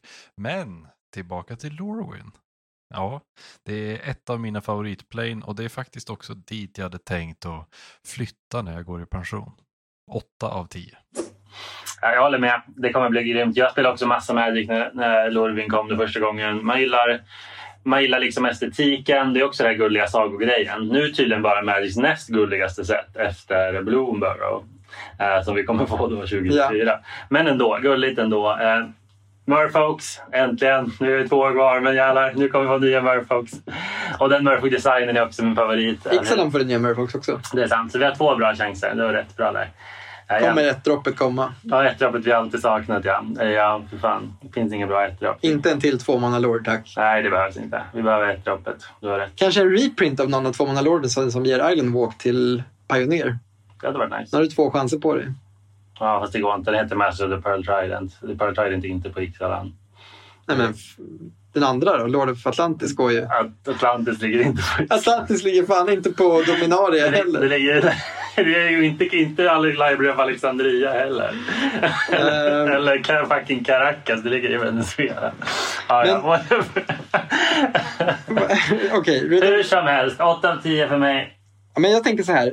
Return to Lorvin maxar nog ändå för mig på något sätt. eh, På många sätt. Om Return to Ravnica inte hade kommit två gånger redan så hade det också varit så här, åh jävlar vi ska tillbaka till Ravnica, fan vad sjukt. Då hade det kanske varit 10 av 10. Men nu är det ändå Return to Ravnica, det händer var femte år. Ja. Det är lite som så här full, eller vad heter det när det är sån här eh, solstillestånd eller något sånt. Man bara, ja, det är rätt coolt men jag har sett det förut. Ja. Men det här har jag fan inte sett förut. Nej. Och eh, fan man älskar ändå Lorvin, man älskar Kifkins. Ja. Vi känner ju en själva i verkligheten. Och jag tror ändå att Lorvin för mig är 9 av 10. Väldigt nära att jag blir 10 av 10 taggad faktiskt. ja, härligt. Jag kan dock säga det, förlåt jag var inte tydlig med det, men precis som Neon Dynasty så kommer det ju vara annorlunda. Alltså det, då, De kommer förändra allting ja. Ja. Men det, och det gör det ju ännu roligare. För Kamigawa var jag för liten när det kom. Alltså jag spelade inte Magic på det sättet. När det kom var jag fan, vad- hur gammal var jag då? Alltså jag är ju typ liksom, Det kom 2003, 2004. Jag spelade, det var då jag började spela. jag var typ 13. Jag hade Ja. ingen koll överhuvudtaget. Jag spelade Nej, inte nej. mycket Magic. Eh, och vi köpte några sådana boosters men de var på italienska, jag fattade ingenting. Så Kamigawa för mig är inte så nostalgiskt. Det är ju det nu för att jag spelat så länge. Men Ja. Lorvin är ju nostalgiskt på riktigt. Det är liksom ett av mina sätt på något sätt. Det är ett av Nej, mina du, okej, jag, fan, jag kan nästan också höja till nio. Du har rätt. Jag kan inte komma på vad som skulle göra mig mycket mer taggad. Nej, det är sant. Det är sant. Okej då, vi kör båda nio. Shit, då kanske den här Return to Alara, då hade jag varit 10. Ja. Det är mitt... Eh, Ja, ja. Det är bara att det sättet känns så klart. Att det var en så väldigt complete story Det arc. Ja, men okej, du har rätt. Jag drämmer också till nio. Man ska inte, slut, man ska inte snåla. 8,7 va? Det är väldigt högt. Med reservation för att de fuckar upp det på något sätt med sin reinvention. Japp. Och sen allra sist då så ska vi nämna, vi har tre små saker kvar att nämna. Och Jag tänker här måste vi verkligen eh, skynda på. Och det är Innistrad Remastered. Kommer komma 2026. Ja, vad ska man säga? Jag kan också direkt säga att Chris eh, säger Insert samma åsikt som jag hade om Ravnica Remastered. 6 av 10. Men jag kanske kopierar honom men sätter... Nej, men också 6 av 10. Vad kan gå fel liksom? Ja. Jag kan ändå nog höja till sju tror jag. För att Innistrad är så pass bra och eh, speciellt när man får en best of. Liksom. Det, det, borde kunna bli, det borde kunna bli riktigt nice. Det kommer vara riktigt schyssta altars liksom, när de får vi, vi ger de gamla Innistrad-korten liksom, en sån treatment. Ja, det kommer bli, det kommer vara, alla kommer vara nöjda. Det kommer vara nice. De har också double feature fiasko tillbaka så de kommer ju vara mycket anledning att anstränga sig. Ja, faktiskt. Ja, jag säger sju. Eh, så vad blir det? Det blir ju 6,7 då. Yes. Och Nej, sen- 6,3. 6,3. Och sen har vi eh, två saker till. Eh, vi har två mainset som kommer komma 2026. Eh, Oj, och- fan vad de har gått långt fram i tiden. Japp, och det ena är Return to Arcavios, alltså Strixhaven. Så det blir till Return-set med Strixhaven. Och den här förvånar mig lite för att det känns inte så jävla populärt. Faktiskt. Folk gillar det, men jag har inte hört så många prata om det. Nej. Nej, men det ska bli spännande att se vad de, hur de gör något bra av det. det är ingen som, alltså, jag känner inte så många som hatar Strixhaven heller. Men jag tänker liksom, ja, om vi tar de senaste fem åren på butiken som vi har Mm. och säger liksom, vilka sätt skulle det vara lätt att ha, fylla en throwback draft i? Alltså att vi Mm. draftade liksom ett sätt som har kommit för länge sedan. Ja, Då tror jag Strixhaven är med på listan som folk ändå skulle vara taggade på att drafta igen. okej. För att det är ett sånt sätt som man ändå gillar. Cool. Men det är rätt nytt så folk har inte hunnit börjat älska det än. Nej. Men jag tror att det är ett sånt... Jag tror att det är mer populärt än vad man tänker. Men jag håller med, jag har inte heller någon jättestark känsla runt det själv. Nej. Men jag upplever att folk gillar det. Nej, jag gillade det också. Jag är glad att de inte gjorde en Harry Potter rip-off. Det gjorde de ju inte. De Nej, precis. Nej, hade det kommit... Nu kanske vi får det då. Ja, Kanske vi får Harry Potter Universe Beyond i samma veva. Det känns givet. Ja, det är sant. Men jag tror att den IPn är ganska hårt hållen. Den är dyr att hålla på och dabbla i. Ja, och Wizards kan säga för PK för J.K. Rowling. Kanske för mycket transpersoner i Magic. Mycket möjligt. Hon har som krav att... Äh, Inte ha hennes jävla skit. Ja, och- och Rowling har som krav att Ashiok måste ha ett binärt kön nu. Ashok får inte vara med i sättet. Nej, just det. Just det. Exakt. Hur som helst. Uh, ja, jag, säger, jag vet inte. Jag, det är väl så långt borta också. Herregud, man kommer ju vara död och begraven här. Men hur kommer man känna inför Strixhaven också? Kommer man redan då ha börjat själv bli så här, "Åh, fan vad kul att åka tillbaka dit? För att man kommer liksom, det var länge sedan. Kanske. Som vi känner nu inför typ Ixalan. Att bara det blev kul. Ja, möjligtvis. Jag vet inte. Jag, jag kan inte bli exakt så exalterad. Men det kanske är taskigt. Men jag säger 5 av 10. Men jag gillade Strixhaven. Jag säger 7 av 10. Det blir nog kul att drafta. Chris säger däremot holy fudge! Dra åt helvete. Här pratar vi andrahands-hype så det heter duga. Det här är i särklass min frus favoritplane och jag kan inte vänta med att viska förföriskt i hennes öra det hon har velat höra sedan sommaren 2021. Du älskling, vi ska tillbaka till Arcavius. 10 av 10! Ja, jag, är, jag är glad för Chris och hans fru, det måste jag säga. Och eh, vacker, alltså det är vacker syn han som han målar upp här. Hitta, hitta en kvinna som ser på dig så som Chris kvinna ser på Arcavius. Ja, det är fan vackert. Så 10 från Chris då, det väger ju upp det här poängen lite. Ja, men då har vi en eh, score på eh, 7,3. Och sen allra sist, jag börjar bli utmattad nu, eh, så kommer alltså, det här vet vi ingenting om, men det här kommer vara det som det kallas conclusion of the Omen Path Arc. Så det här kommer vara nästa set som påminner om All Will Be One, eh, March of the Machines och eh, War of the Spark. Alltså. Vilket ju också får en att förstå att det här Arcavius-setet förmodligen kommer vara jävligt maxat eftersom det är näst sista setet. Ja, det är sant. conclusion. Ja, så det kommer säkert vara någon sån här nu samlas allt upp på något sjukt sätt innan. Ja, Alltså att the stakes are high och kniven mot strupen. alla åker dit och skriver en riktigt svår tenta. Ja. Nej, men det, kommer ju vara, det kommer ju vara Will Be One för den här story-arken. Liksom. Tydligen. Uh, med det sagt, ja, who knows? Eh, och ingen av oss är lore-fantaster. Så Hur mycket roll det spelar att det är en final? Nej. nej, och, och, och sådär. Alltså, War of Spark kändes som en riktig happening. March of the Machines till viss del, men inte riktigt. Det var inte riktigt samma hype runt det. Nej, det var svårt. Ja, men det kanske, är, det kanske är väldigt selektivt. Det kanske är bara för att vi på butiken har pratat om det. Att det kanske sålde in lite sämre än vi trodde. Mycket möjligt, men det känns också som att det var lite tråkig final. Alltså för arken. Ja. Att den var... Och att Alltså- Aftermath var som flopp. Ja, det var konstigt. Nej, men... Eh, alltså vi, det här vet vi ingenting om. Nej. Det blir väl fem, liksom. Ja, det är det Chris säger också. Han säger Ja, det stora End of a Storyline-släppet alla War of the Spark. Det är säkert coolt och mäktigt, men just nu är jag inte särskilt investerad. Fem av tio. Vilket är ju tekniskt sett korrekt oavsett vad man tycker. Nej, men det är fem av tio. Ja, precis. Jag säger det också bara för att spara tid. Och nu, nu kanske man får panik över att det har tagit oss två timmar att gå igenom alla liksom, Magic-releaser de kommande. Men det är, vi snackar alltså tre år framåt nu. Ja, Inte två år framåt ens. Inte liksom 2024, inte 2025. Nu är vi framme på 2026. ja, Så det här, vi har ju försökt sammanfatta tre Magic-år här på två timmar. ja. Det känns ändå rätt överskådligt om du frågar mig. ja. Och bra, eller? Jag är taggad. I'm here for it. Ja, visst. Inget som får dig att vilja sluta med Magic. Nej, det skulle väl vara det där furryset. Nej, jag skojar. Nej, jag är astaggad. Det kommer bli skitbra. För mig är det väl Final Fantasy, då. men det, det, det går bra. Eh, vi har ingen topp 10-lista i det här avsnittet av förklarliga skäl. nej, precis. Men vi kanske ska berätta vilket sätt som fick högst score i alla fall efter det här eh, Ja. all said and done. Ja, det blir som sagt ingen topp 10-lista, men vi måste ju nämna vilka som vann eh, stackpriset. Men det finns ändå en topp fyra kan man säga här. En tidig, de som fick åtta eller mer. Ja. Eh, och jag tänker vi går nerifrån upp för Självklart. även om ni redan har hört det här Ja, tidigare. självklart. Så alltså, topp 4-5, vad blir det? Topp fyra Fem kommande Magic-set. Kommande. Magic-releaser. Ja, fem blir det faktiskt. Okej. Ja. Så, alltså enligt På stacken. Yes. Ja, enligt, Mag- enligt Magic samlade community. Med alla lyssnare i ryggen, ja. Så på femte plats från oss så har vi Outlaws of Thunder Junction. Så vi alla är sugna på eh, att ta på oss en snitsig hatt och eh, tugga lite tobak. Spotta lite på ett hotfullt sätt. Nej, men det ska bli kul att mötas vid det, Noon och eh, dra, dra pistoler. Klart. äta lite baked beans kanske. Gärna. Kan dra igång en eld utanför butiken. Det blir bra. Så där är vi på femte plats. Och sen så har vi två stycken som hade 8,3. Just det, Både Ixalan och eh, Duskmorn var det va? det stämmer bra. Yes. Ja, och eh, Modern Horizons 3. Ah, tre delad, Ah. delad andra plats kan man väl säga att de Ja, här tre kommer på. Ja, stämmer. Modern Horizons 3, Duskmorn och eh, vad heter eh, Ixalan i alla 8,3. Lite uppknuffad av eh, Chris hype för Modern Horizons och min hype för Jurassic Park. Så eh, Och vår gemensamma hype för skräck tydligen. Så vi exakt. kanske behöver sätta oss och kolla på en skräckfilm tillsammans. ja, det det här gänget. det vore trevligt. Ja, men eh, det känns ju som alltså, det är ändå, nu pratar vi fyra stora releaser här som vi är taggade på. Så det känns ju väldigt kul att de nailar det viktigaste. Ja. Och på första plats då tydligen, nostalgiker som vi är, så hamnade alltså Return to Lorvin.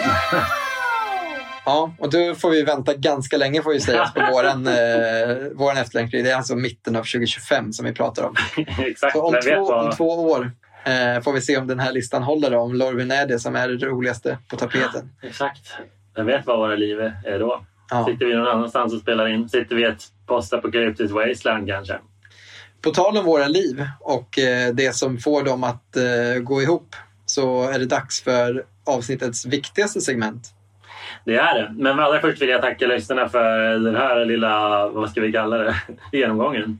Framtidsmaraton. Ja, jag hoppas att det var nästan lika kul för er att lyssna på eh, som det var för oss att dyka in i. Vi vill ju väldigt gärna höra Vilka Ja. ni är mest taggade på? Ja, exakt, exakt i kommentarerna. Men som du har rätt, vi kan inte avsluta utan... Show and tell.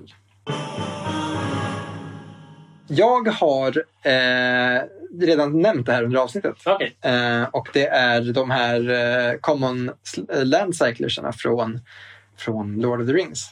Eh, jag tänkte bara nämna dem snabbt så att ingen kan gå och missa det. För det här är inget ni vill missa. Ni behöver inte oroa er för att ni behöver inte liksom hetsköpa dem för att de kommer bli dyra. För det kommer de inte bli. Det är commons i ett sätt som säljer väldigt mycket. Så de, de kommer liksom, i värsta fall kanske de blåa går upp till 10 spänn. Liksom, den är faktiskt redan över 20. Ja, men ni, ni fattar. Vi pratar liksom inte som att ni behöver slå sönder spargrisen för att skaffa ett playset. Nej. Eh, just i det här fallet så kommer ni vilja ha mer än ett playset dock. Eh, alla blåa EDH-lekar kanske vill spela en. Mm. Eh, och det är det som är min fråga. Vill man det? Mm. Eh, för, för min show and tell är ju dels att bara göra er medvetna om att alla fem är intressanta. Den blåa, den svarta, den gröna och den röda ser redan spel i modden och legacy. Japp. Eh, den svarta i, som ett, liksom, för, först och främst, en mana, hämta ett land med den landtypen. Alltså inte ett basic land, det är det som är viktigt att förstå. Det är viktigt. En generic mana också. Så det, det är inte liksom begränsning att du måste ha en blå mana för att spela en blåa, utan du kan för en generic mana hämta ett eh, blåsvart eh, land, vilket är superbra. Eller en trial. Eh, och den andra grejen är att alla ihoppa är juicy spells. Alltså Ja. dra tre för fem, det låter kanske inte så imponerande, men det är det på ett kort som också gör någonting relevant i början av matchen. Mm. Så pass bra har de varit att många har börjat ändra hur man bygger sina manabaser i Modern och Legacy. Ja. Den svarta är ett jättebra reanimate target också. Åtminstone dugligt. Ja, men det i, i legacy-sammanhang är det ju till och med bra. Alltså att en 6-5 för bara liksom med reanimate Mm. runda ett. Med, Mm, ja. Det är ju ofta game winning i legacy. För man, tänker, man tänker på legacy som det här sjuka formatet där du måste göra brutnaste sakerna. Men om du har liksom skydd Mm. Så har det ju tidigare varit tillräckligt bra med en delver. Mm. Det är Mm. ofta för att slå ihjäl någon. Eller Jo, ett par, ett par liksom aggressiva gubbar. Så en 6-5 som typ inte går att blocka kan verkligen vara det som behövs. Ja. För att bara vinna matcher. Så det här är liksom verkligen förändrat tempot i många legacy matchups. Ja. Och Reanimate har redan blivit mycket bättre på grund av Grief. Och att man har börjat spela Grief väldigt mycket i Legacy också. Så det, det är superspännande att se hur de här korten eh, letar sig in i de stora, alltså gamla constructed-formaten. Men min fråga är väl egentligen hur kommer de här korten påverka Commander? Ja, okej. Vill man spela dem alltid i de lekarna där de är on-color? Är de liksom, är spellsidan för oimpactful i Commander? För jag tänker den blåa känns nästan självklar i alla lekar. ja, typ så. Det är som ett land som du alltid är glad att dra sent också. Ja, Eller typ alltid ska man inte säga, men du kommer liksom aldrig, man pissar ju inte på att helt plötsligt dra tre i late game. Nej, nej, och nej. tidigt så fixar den din mana. Ja, Är du dessutom trefärgad så hämtar den din triome eller din... ja. Alltså jag vet inte. Nej, du har rätt. Nej, de är ju de stora sleeper-hitsen från Lotter, det får man ju säga. Det såg ut som limited börs. Men det är också det är så jävla viktigt att de bara kostar ett. Alltså det har funnits landfighters förut. Att Tänk, de bara kostar ett är ju det ena viktiga och att de också hämtar non-basics är det andra viktiga. För det har funnits landcyclers som kostar ett och det har funnits, det funnits cyclers som kostar det har ett. funnits cyclers som kostar ett och det har funnits landcyclers som hämtar basics. Den här bryter liksom mot båda de två. Ja. Det funnits sådana som hämtade non-basics innan också tror jag. Då. Det har kostat mer än de, ett. de, de kostar två, exakt. Från Scorch och så. Alltså Twisted Abomination är en pri, det spelas ju i Just det, just det. Eh, och, men de korten var ju också sämre förstås på framsidan eller vad man ska kalla det. Ja, det är också det, att de är så bra Ja. på framsidan också. Till- Tillräckligt bra liksom. De har i alla fall inget att skratta åt liksom. Det handlar inte precis, det handlar inte om det. Det handlar om att upsiden Ja, ja, i att spela ut dem är tillräckligt stark. Ja. Det är ingen som påstår att det här kortet hade varit bra utan cycling Nej, det, ability. det hade varit ospelbart. I, i Legacy självklart. I alla format Ja. hade varit ospelbart. Ja, jo, typ så. Men eh, också relevant att de bara har en spel i graven eh, för typ Delv och sen relevant att ha ett kort i handen för eh, pitch spells. Ja. Ja, precis. får- Det är ett land som är en pitchspel, precis Ja. som de här eh, MDFC-korten. Ja. Eh, Jätteintressanta kort i alla fall. Verkligen. Eh, och vi, vi har förstås vi är inte den typen av spelare som har svaret på frågan om man alltid ska spela dem i Commander. Nej. Jag vågar sticka ut hakan och säga att den blåa förmodligen är en auto-include i blåa Commander-lekar. Alltså jag har väldigt svårt att se det. Man behöver inte skämmas för att man inte lägger in dem. Men det är förmodligen bara rätt. Så är det. Så kolla i böshögen om du har en sån Helsey-foil som bara ligger där. Ja, då har du en liten, liten jackpot. Eh, men, men det är ett skittrevligt kort, eller en skittrevlig kortcykel. I lägre power level EDH så är de nog definitivt en auto-include. Ja, verkligen. Väldigt bra mana-fixing. Ja, visst. Verkligen. Så är det. Gött. Eh, jag kanske, min show blir nog ganska kort. Det är en till sån liten tanke om att börja med, med Magic. Då. Jag, började, jag hade 45, 45 en timme samtal med min kompis då för att förklara arenas ekonomi. Eh, det tyckte jag var bara lite roligt för det bara slog mig så här, hur svårt det är eh, som ny spelare. Alltså att han hade spelat ganska länge utan att förstå vad wildcards var. Och jag tycker bara det är så här eh, det är väl en känga antar jag mot Wizards. Alltså för att vad, vad, vad håller ni på med? Varför är det så här? Varför kan ni inte vara normala? Why can't you just be normal? Vi har ju vant oss och lärt oss motvilligt. Men bara en sån tanke. Men vi har anpassat våra förväntningar. Ja, mer så. Men bara, så det är egentligen bara det jag vill säga. Att så här, salut och applåder till alla er nya spelare som börjar med Magic, som börjar med Arena och håller ut. Och som kämpar på som free to play-spelare. Trots att ni inte har 15 års erfarenhet av spelet som vi hade liksom, när vi började spela Arena. Just det, för de förlorar massor också. Ja, nej, men, ja exakt. Man förlorar alla matcher. Liksom. Men att man ändå... Vi kunde hanka oss fram på limited i början och få ganska bra Exakt, ekonomi. exakt, exakt. För limited är fortfarande det bästa sättet att gå runt på Arena. Men om du inte är bra på draft, då är you gonna have a bad time. Så igen, det är egentligen bara det jag vill säga på min show and tell. Applåder, cred till er nya spelare som fortsätter spela Arena. För det säger något om hur bra spelet är.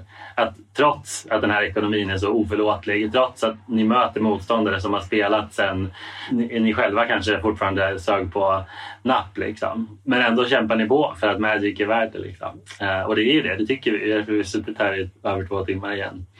Så ja, det är det. Eh, fuck you Wizards, men också tack. Tack för att ni gör bra spel. Fuck you för att ni tar så jävla bra betalt för det. Exakt. Ja, vi säger så. Och som jag sa tidigare, om någon lyssnat och eh, precis som vi blev lite taggad eh, och kanske inte för förbryllad över framtiden så berätta gärna vilket kommande sätt ni är mest taggade på. Är det något av de här sätten som är right up your alley så vill vi gärna veta det. Och är det något av sätten som får er att få klåda så är det också kul att ni delar med er. Då kan ni göra det i Wizards kommentarsfält tillsammans med i princip alla andra för det är ganska Exakt. mycket sånt där. Exakt. Jag tänkte också ta mig tiden att tacka ett gäng, en tapper skara som hjälper oss med vår produktion. Och där har vi bland annat Tobias Persson som hjälper oss att ladda upp avsnitten på en manuell server. Vi har eh, Kristoffer Gandrén som ni har hört genom det här avsnittet eh, hjälpa oss att betygsätta som är en del av På stacken men som också klipper våra avsnitt och producerar dem. Vi har med oss eh, Ember Artworks som har gjort våran textlogo och vi har Nick Staffas som har designat våran logotyp eller våra omslagsbilder. Ja, Marcus. Mackarna Östlund Just det. också förstås som har gjort våran jingel och eh, den nya jingeln som också Chris har gjort. Så alltså, stort tack till alla dessa personer, stort tack till er och eh, då så. Ixalan Prelle förmodligen ungefär när du lyssnar på det här. Kanske. Wilds of Drain menar du? Annars har du lyssnat det, på det här det. alldeles för Wilds sent. of Eldraine, exakt. Det är precis. Först Eldraine, sen Ixalan. Ja, där har vi det. Harry hoppar gärna över Eldrain och tar Ixalan direkt så att han får träffa på sina favoriter från Jurassic Park. Det är sant. Ja, kram, kram. Tack, tack. Puss!